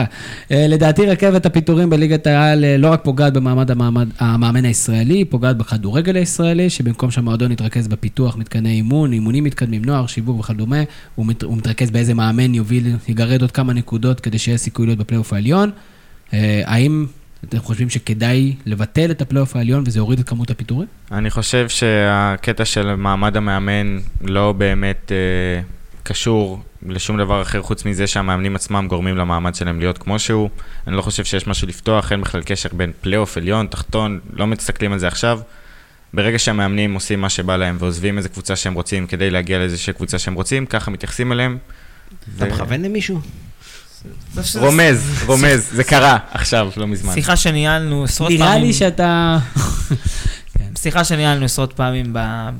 באותו, פחות או יותר באותו פרק זמן של עונה, מחזור עשירי שכבר התחילו לגבש מי הולכת למעלה ומי למטה, וזה ימשיך להתנהל גם בשנים הבאות. חלק מהמשחק לפטר מאמנים לצערנו, וזה... אבל זה חלק מהמשחק, לא? כן. זאת אומרת, זה זה עניין של בעלים, זה לא חדש, זה בכל העולם. רוצים לדבר על מע- על מעמד המאמן? בואו נדבר על הגוורדיה- על הגוורדיה צפון הזאת שעוברת מקבוצה לקבוצה, זה לדבר על מעמד המאמן. כבר, ה- ה- כן, הסיבוב. אה, כן. יש שמועות ששלום, ששלומי דורה פעם נכנס לאצטדיון, אמר שלום לכם הפועל עכו, אמרו לו, אנחנו הפועל חיפה בכלל. יש שמועות כאלה. טוב, שאלת הבונוס, יום הרווקים הסיני אה, התקיים השבוע ב-11 ל-11, במקביל לליגה הסינית שהסתיימה ומשחק הנבחרת שמתקרב. אה, כל זה מוביל אותנו לשאלה הבלתי נמנעת, האם זהבי צריך להיות בהרכב לקראת המשחקים? אתה פשוט תמצא? כל דרך אפשרית להכניס את ערן זהבי לנושא. אני קיבלתי שאלה שהמפיק שם לי, זה לא שאלה שלי, זו שאלה שהמפיק, הגאון, שם לי, שהוא מהשונאים הגדולים של ערן זהבי בתבל. אני איתו, אבל אני חושב שערן זהבי צריך להיכנס לנבחרת בתור אה, שחקן, פשוט באיפה שישימו אותו, בעמדה שישימו אותו, לא יותר מדי. אני אשאל שאלה אחרת, במשחקים האחרונים של הנבחרת זה עבד? הצלחנו? הצלחנו הצלחנו. בלעדיו, כן. זה לא היה לפני שנה, זה היה לפני חודש וחצי. נכון. מאז לא השתנו הרבה דברים, זהבי לא קורא רשתות בסין, לא עושה למרות קרקס שחמד ב- אבל נפצע, הוא זה חזר סיטואציה לשחק. קצת מוזרה. אני לא מוצא, אני לא מוצא יותר מדי סיבות כרגע לשנות משהו שעבד לפני לא, זה- חודש, אלא אם יש איזו פציעה, כמו שאמרתם, ששחקן שהוא, אגב, חמד לדעתי תקע את המשחק של בדיוק. הנבחרת, ו- ולכן לא בטוח שהוא בכלל... יש אה, ויכוח אחר לגבי זהבי, לא נתחיל לפתוח אז- דיון אז שנייה לפני. הדיון, אני רק אגיד את הדעה המקצועית שלי. אני לא חושב שחמד ודבור עובד, זה לא עובד, זה לא עבד. בשום שלב, למרות הניצחון נגד סקוטלנד, אני לא חושב שזה עובד. אני כן חושב שאפשר לשים את אה, סבע בתפקיד הזה, בתפקיד החלוץ השני, או אה, לצורך העניין אצילי כזה, אם היה, אפשר היה לשחק עם עוד שחקן, ולאו דווקא, כי כנראה זהבי מביא איתו איזה חבילה נוספת שהיא לא מקצועית. מקצועית פרופר, לדעתי, לדעתי יש לו. בזמן נתון. אז יפה, אז זה המחלוקת שלי עם רוב האנשים, ששחקנים אחרים שיוצאים לאירופה ולא משחקים, אומרים שהם לא משחקים ולא רואים ולא יודעים ולא שומעים. זהבי משחק בליגה הסינית. אף אחד לא ראה אותו משחק כדורגל מקצועני, ברמה, פה- ברמה גבוהה כבר אה, כמה, כאילו, מקצועני כאילו. מקצועני ברמה, ברמה גבוהה שנתיים, אני לא יודע על סמך מה כולם אומרים שהוא ראוי בטח להרכב, בטח שהוא עדיין שחקן, אולי- הוא כבר בגיל, ש, בגיל שהוא כבר מתבגר, יכול להיות שבכלל, יכולות שלו כבר לא רלוונטיות לנבחרת, אף אחד לא, לא יודע איך הוא משחק, בטח שלא להרכב, ספק ל- אני לסגל. חושב ששחקנים... הוא, הוא בחר בעצמו לוותר על כדורגל מקצועני, אז למה שיחזירו אותו לנבחרת? קודם כל, אני, אני אגיד לך... בחר זה נסע לביתו, כל הכבוד משהו- לבריאות, אבל- אני אגיד לך משהו, אני לא יודע אם אלופת סין לא מנצחת את אלופת ישראל. תפסיק, תפסיק. יודע, זה כדורגל מצחיק. בלי קשר לא. לליגה הסינית, אני חושב שמה שצריך להתמקד בו זה שיש לנו מטרה אחת כרגע בנבחרת וזה סקוטלנד, וצריך להוציא שם תיקו לפחות. ולפי זה צריך לבחור את ההרכב, את שיטת המשחק, ואז לראות אם זהבי ברור, יכול להשתלב או לא. אפשר לראות. ו- נכון, הוא ווינר זה גדול. תיאורים אבל- שאני מבין, אבל אני לא מבין את האהבה העיוורת ולהגיד רן זהבי בהרכב no matter what, אני לא- לא מסכים לזה בשום צורה. להפך, לא, יכול להיות שמול לא זה. סקוטלנד הוא יכול לבוא מהספסל ולתת לנו את העבוד. הפאנל- הזה אמר לא את זה? הפאנל הזה, בוא נגיד מחוץ לפאנל הזה. אני, אין לי שום בעיה עם סבא אני יפתח לפני. דבר שני, אני חייב להגיד שהדבר שהכי בלט אצל הרצוג, מה- קצת שקצת בלט, כי לא היה הרבה זמן, זה שהוא בהחלט בוחר את השחקנים, פחות או יותר בכושר הנוכחי הטוב אני- יותר, וזהבי לא מסתמן כרגע. דווקא אצילי יחלוק על לא זה? כי. מה שהוא עושה עם מכבי תל אביב מאוד מוזר. עם בלי אצילי, בלי דור מיכה, בלי לא יודע מי... דור מיכה בסוף זומן במקום גולסה שנפצע. ממש זה מוזר. מתקזז. אני לא יודע- לא אם. דור מיכה הוא נבחרת מטריאל. הוא שחקן אה, מעולה, אני לא יודע אם הוא נבחרת מטריאל, כי הוא לא פיזי שנים אתם אומרים מספיק. שהוא השחקן הישראלי הכי טוב בליגה. בליגה. לליגה נו, שלנו הוא זרוק מדהים. אותו- זרוק הוא אותו גאון, לנבחרת. אבל כשיש לך, כשהוא צריך להתמודד עם הסוסים האלה בסקוטלנד, כן, בירם קיאל ודור פרץ ודן גלאזר, אני יכול להבין למה הוא שם אותם. שיטת המשחק של הנבחרת יהיה לא לו מאוד קשה לא פיזית, הוא גאון, הוא יכול. עשר דקות, רבע שעה לבוא ולתת איזה פס חכם, אבל זה קשה לו. אנחנו רואים את זה באירופה, קשה לו. אצילי, דרך אגב, הרבה יותר פיזי. אני, זה באמת מוזר לי, כי הוא נכון. גם שחקן של בעיטות חופשיות, והוא יכול לתת לך יותר. והוא בכושר מעולה. והוא להציל היה בכושר מקום, מעולה. להציל לחלוטין היה מקום. ברור, אבל יכול להיות שגם כן, הוא לא רצה עכשיו פתאום להכניס, אני דווקא בסדר שהוא הולך סך הכל עם הסגל שהוא מכיר, וסגל שנ- שנתן לו עם, עם אה, נגיעות קטנות.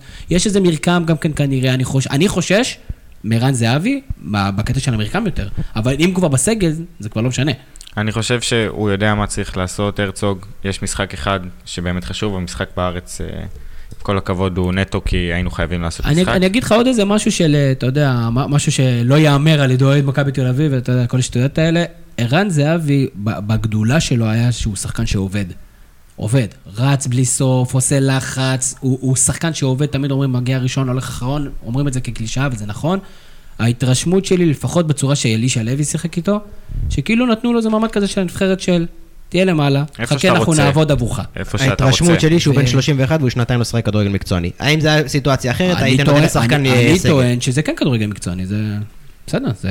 יש הבדל, אני לא חושב שזה הנקודה. שיחקנו לפני שנה בספרד לדעתי, ואני חושב שהוא היחיד שנראה קשור לרמה. כן, נכון. אז כדורגל כנראה עדיין יש לו מספיק, אבל אני בהחלט מסכים עם העובדה שהוא מח- כרגע מחוץ ללופ, גם מבחינה מקצועית וגם מבחינה חברתית. וזה ו- עבד, כמו אתה אמרת נכון, זה זה עבד עבד, ולא- בלעדיו, ויש משחק אחד. ויש משחק יש אחד. משחק אחד שהוא חשוב, רלוונטי. אני, שוב, אני יכול להיות שהייתי פותח עם סבא לפניו, אה, לא בקטע מקצועי, לא בהכרח בקטע שהוא יותר טוב, אני לא נכנס בכלל על הדיונים האלה, זה עניין של התאמה ולהבנה של שיטת המשחק, ומישהו שהיה ב, בהתלהבות הזאת, באופוריות, באנרגיות שהנבחרת חזרה לשחק בהם, אבל יש את המשחק המעלה, להתאמן. ווואלה, בואו נקווה שהם יעשו אצלנו שמחים. תחשבו איך אנחנו מדברים, לפני חודש לא היינו, היה סשן על נבחרת ישראל, היינו עושים צרצרים. אז כבר זה כבר כיף, ולראות את ולהתלהב מהנבחרת. חברים, היה כיף, דיברנו, וואו, דיברנו הרבה, דיברנו הרבה, מקווה שכל מי שנשאר, אה, כל הכבוד לכם. אז יכול להיות שאתם אנשים שצריכים להביא לנו את החסות. אה, יונתן מאיר, מה נאחל לך? שהפועל תל אביב תבקיע יותר מחצי גול למשחק. זה מה שאני צריך. אתה יודע מה, אני, אני, אני מוכן, אם זה נשאר עד חצי, אני בסדר. שי דביבי, תודה רבה כרגיל שבאת, אה, עם האנרגיות וההתלהבות והעקיצות. יריב ראוי אתה, אין ספק. תודה לכם. ברק קורן, כרגיל אחרי כל ההפקה, תודה רבה גם שהבאת את האנרגיות מקבוצת הוואטסאפ שלנו גם כן לפה לשולחן. אה, כרגיל, אתם יכולים לשמוע אותנו בכל הפלטפורמות הרגילות, ואנחנו, תגיבו לנו, תגידו לנו אם נהנתם, אם אתם מסכימים, לא מסכימים, אם אתם חושבים שהליגה הסינית היא ליגה תחרותית או לא. אה, אם אתם רוצים אה, להגיד מאיזה פרשן אתם הכי אהבתם, אתם יכולים לסמס ל... סתם, אל תסמסו. אני הייתי תמיר זוארץ, שיהיה לכם המשך ערב נהדר. יש לי פודקאסט, מה זה פודקאסט? זה כמו חדשות. יש לי פודקאסט, מה זה פודקאסט? זה כמו חדשות.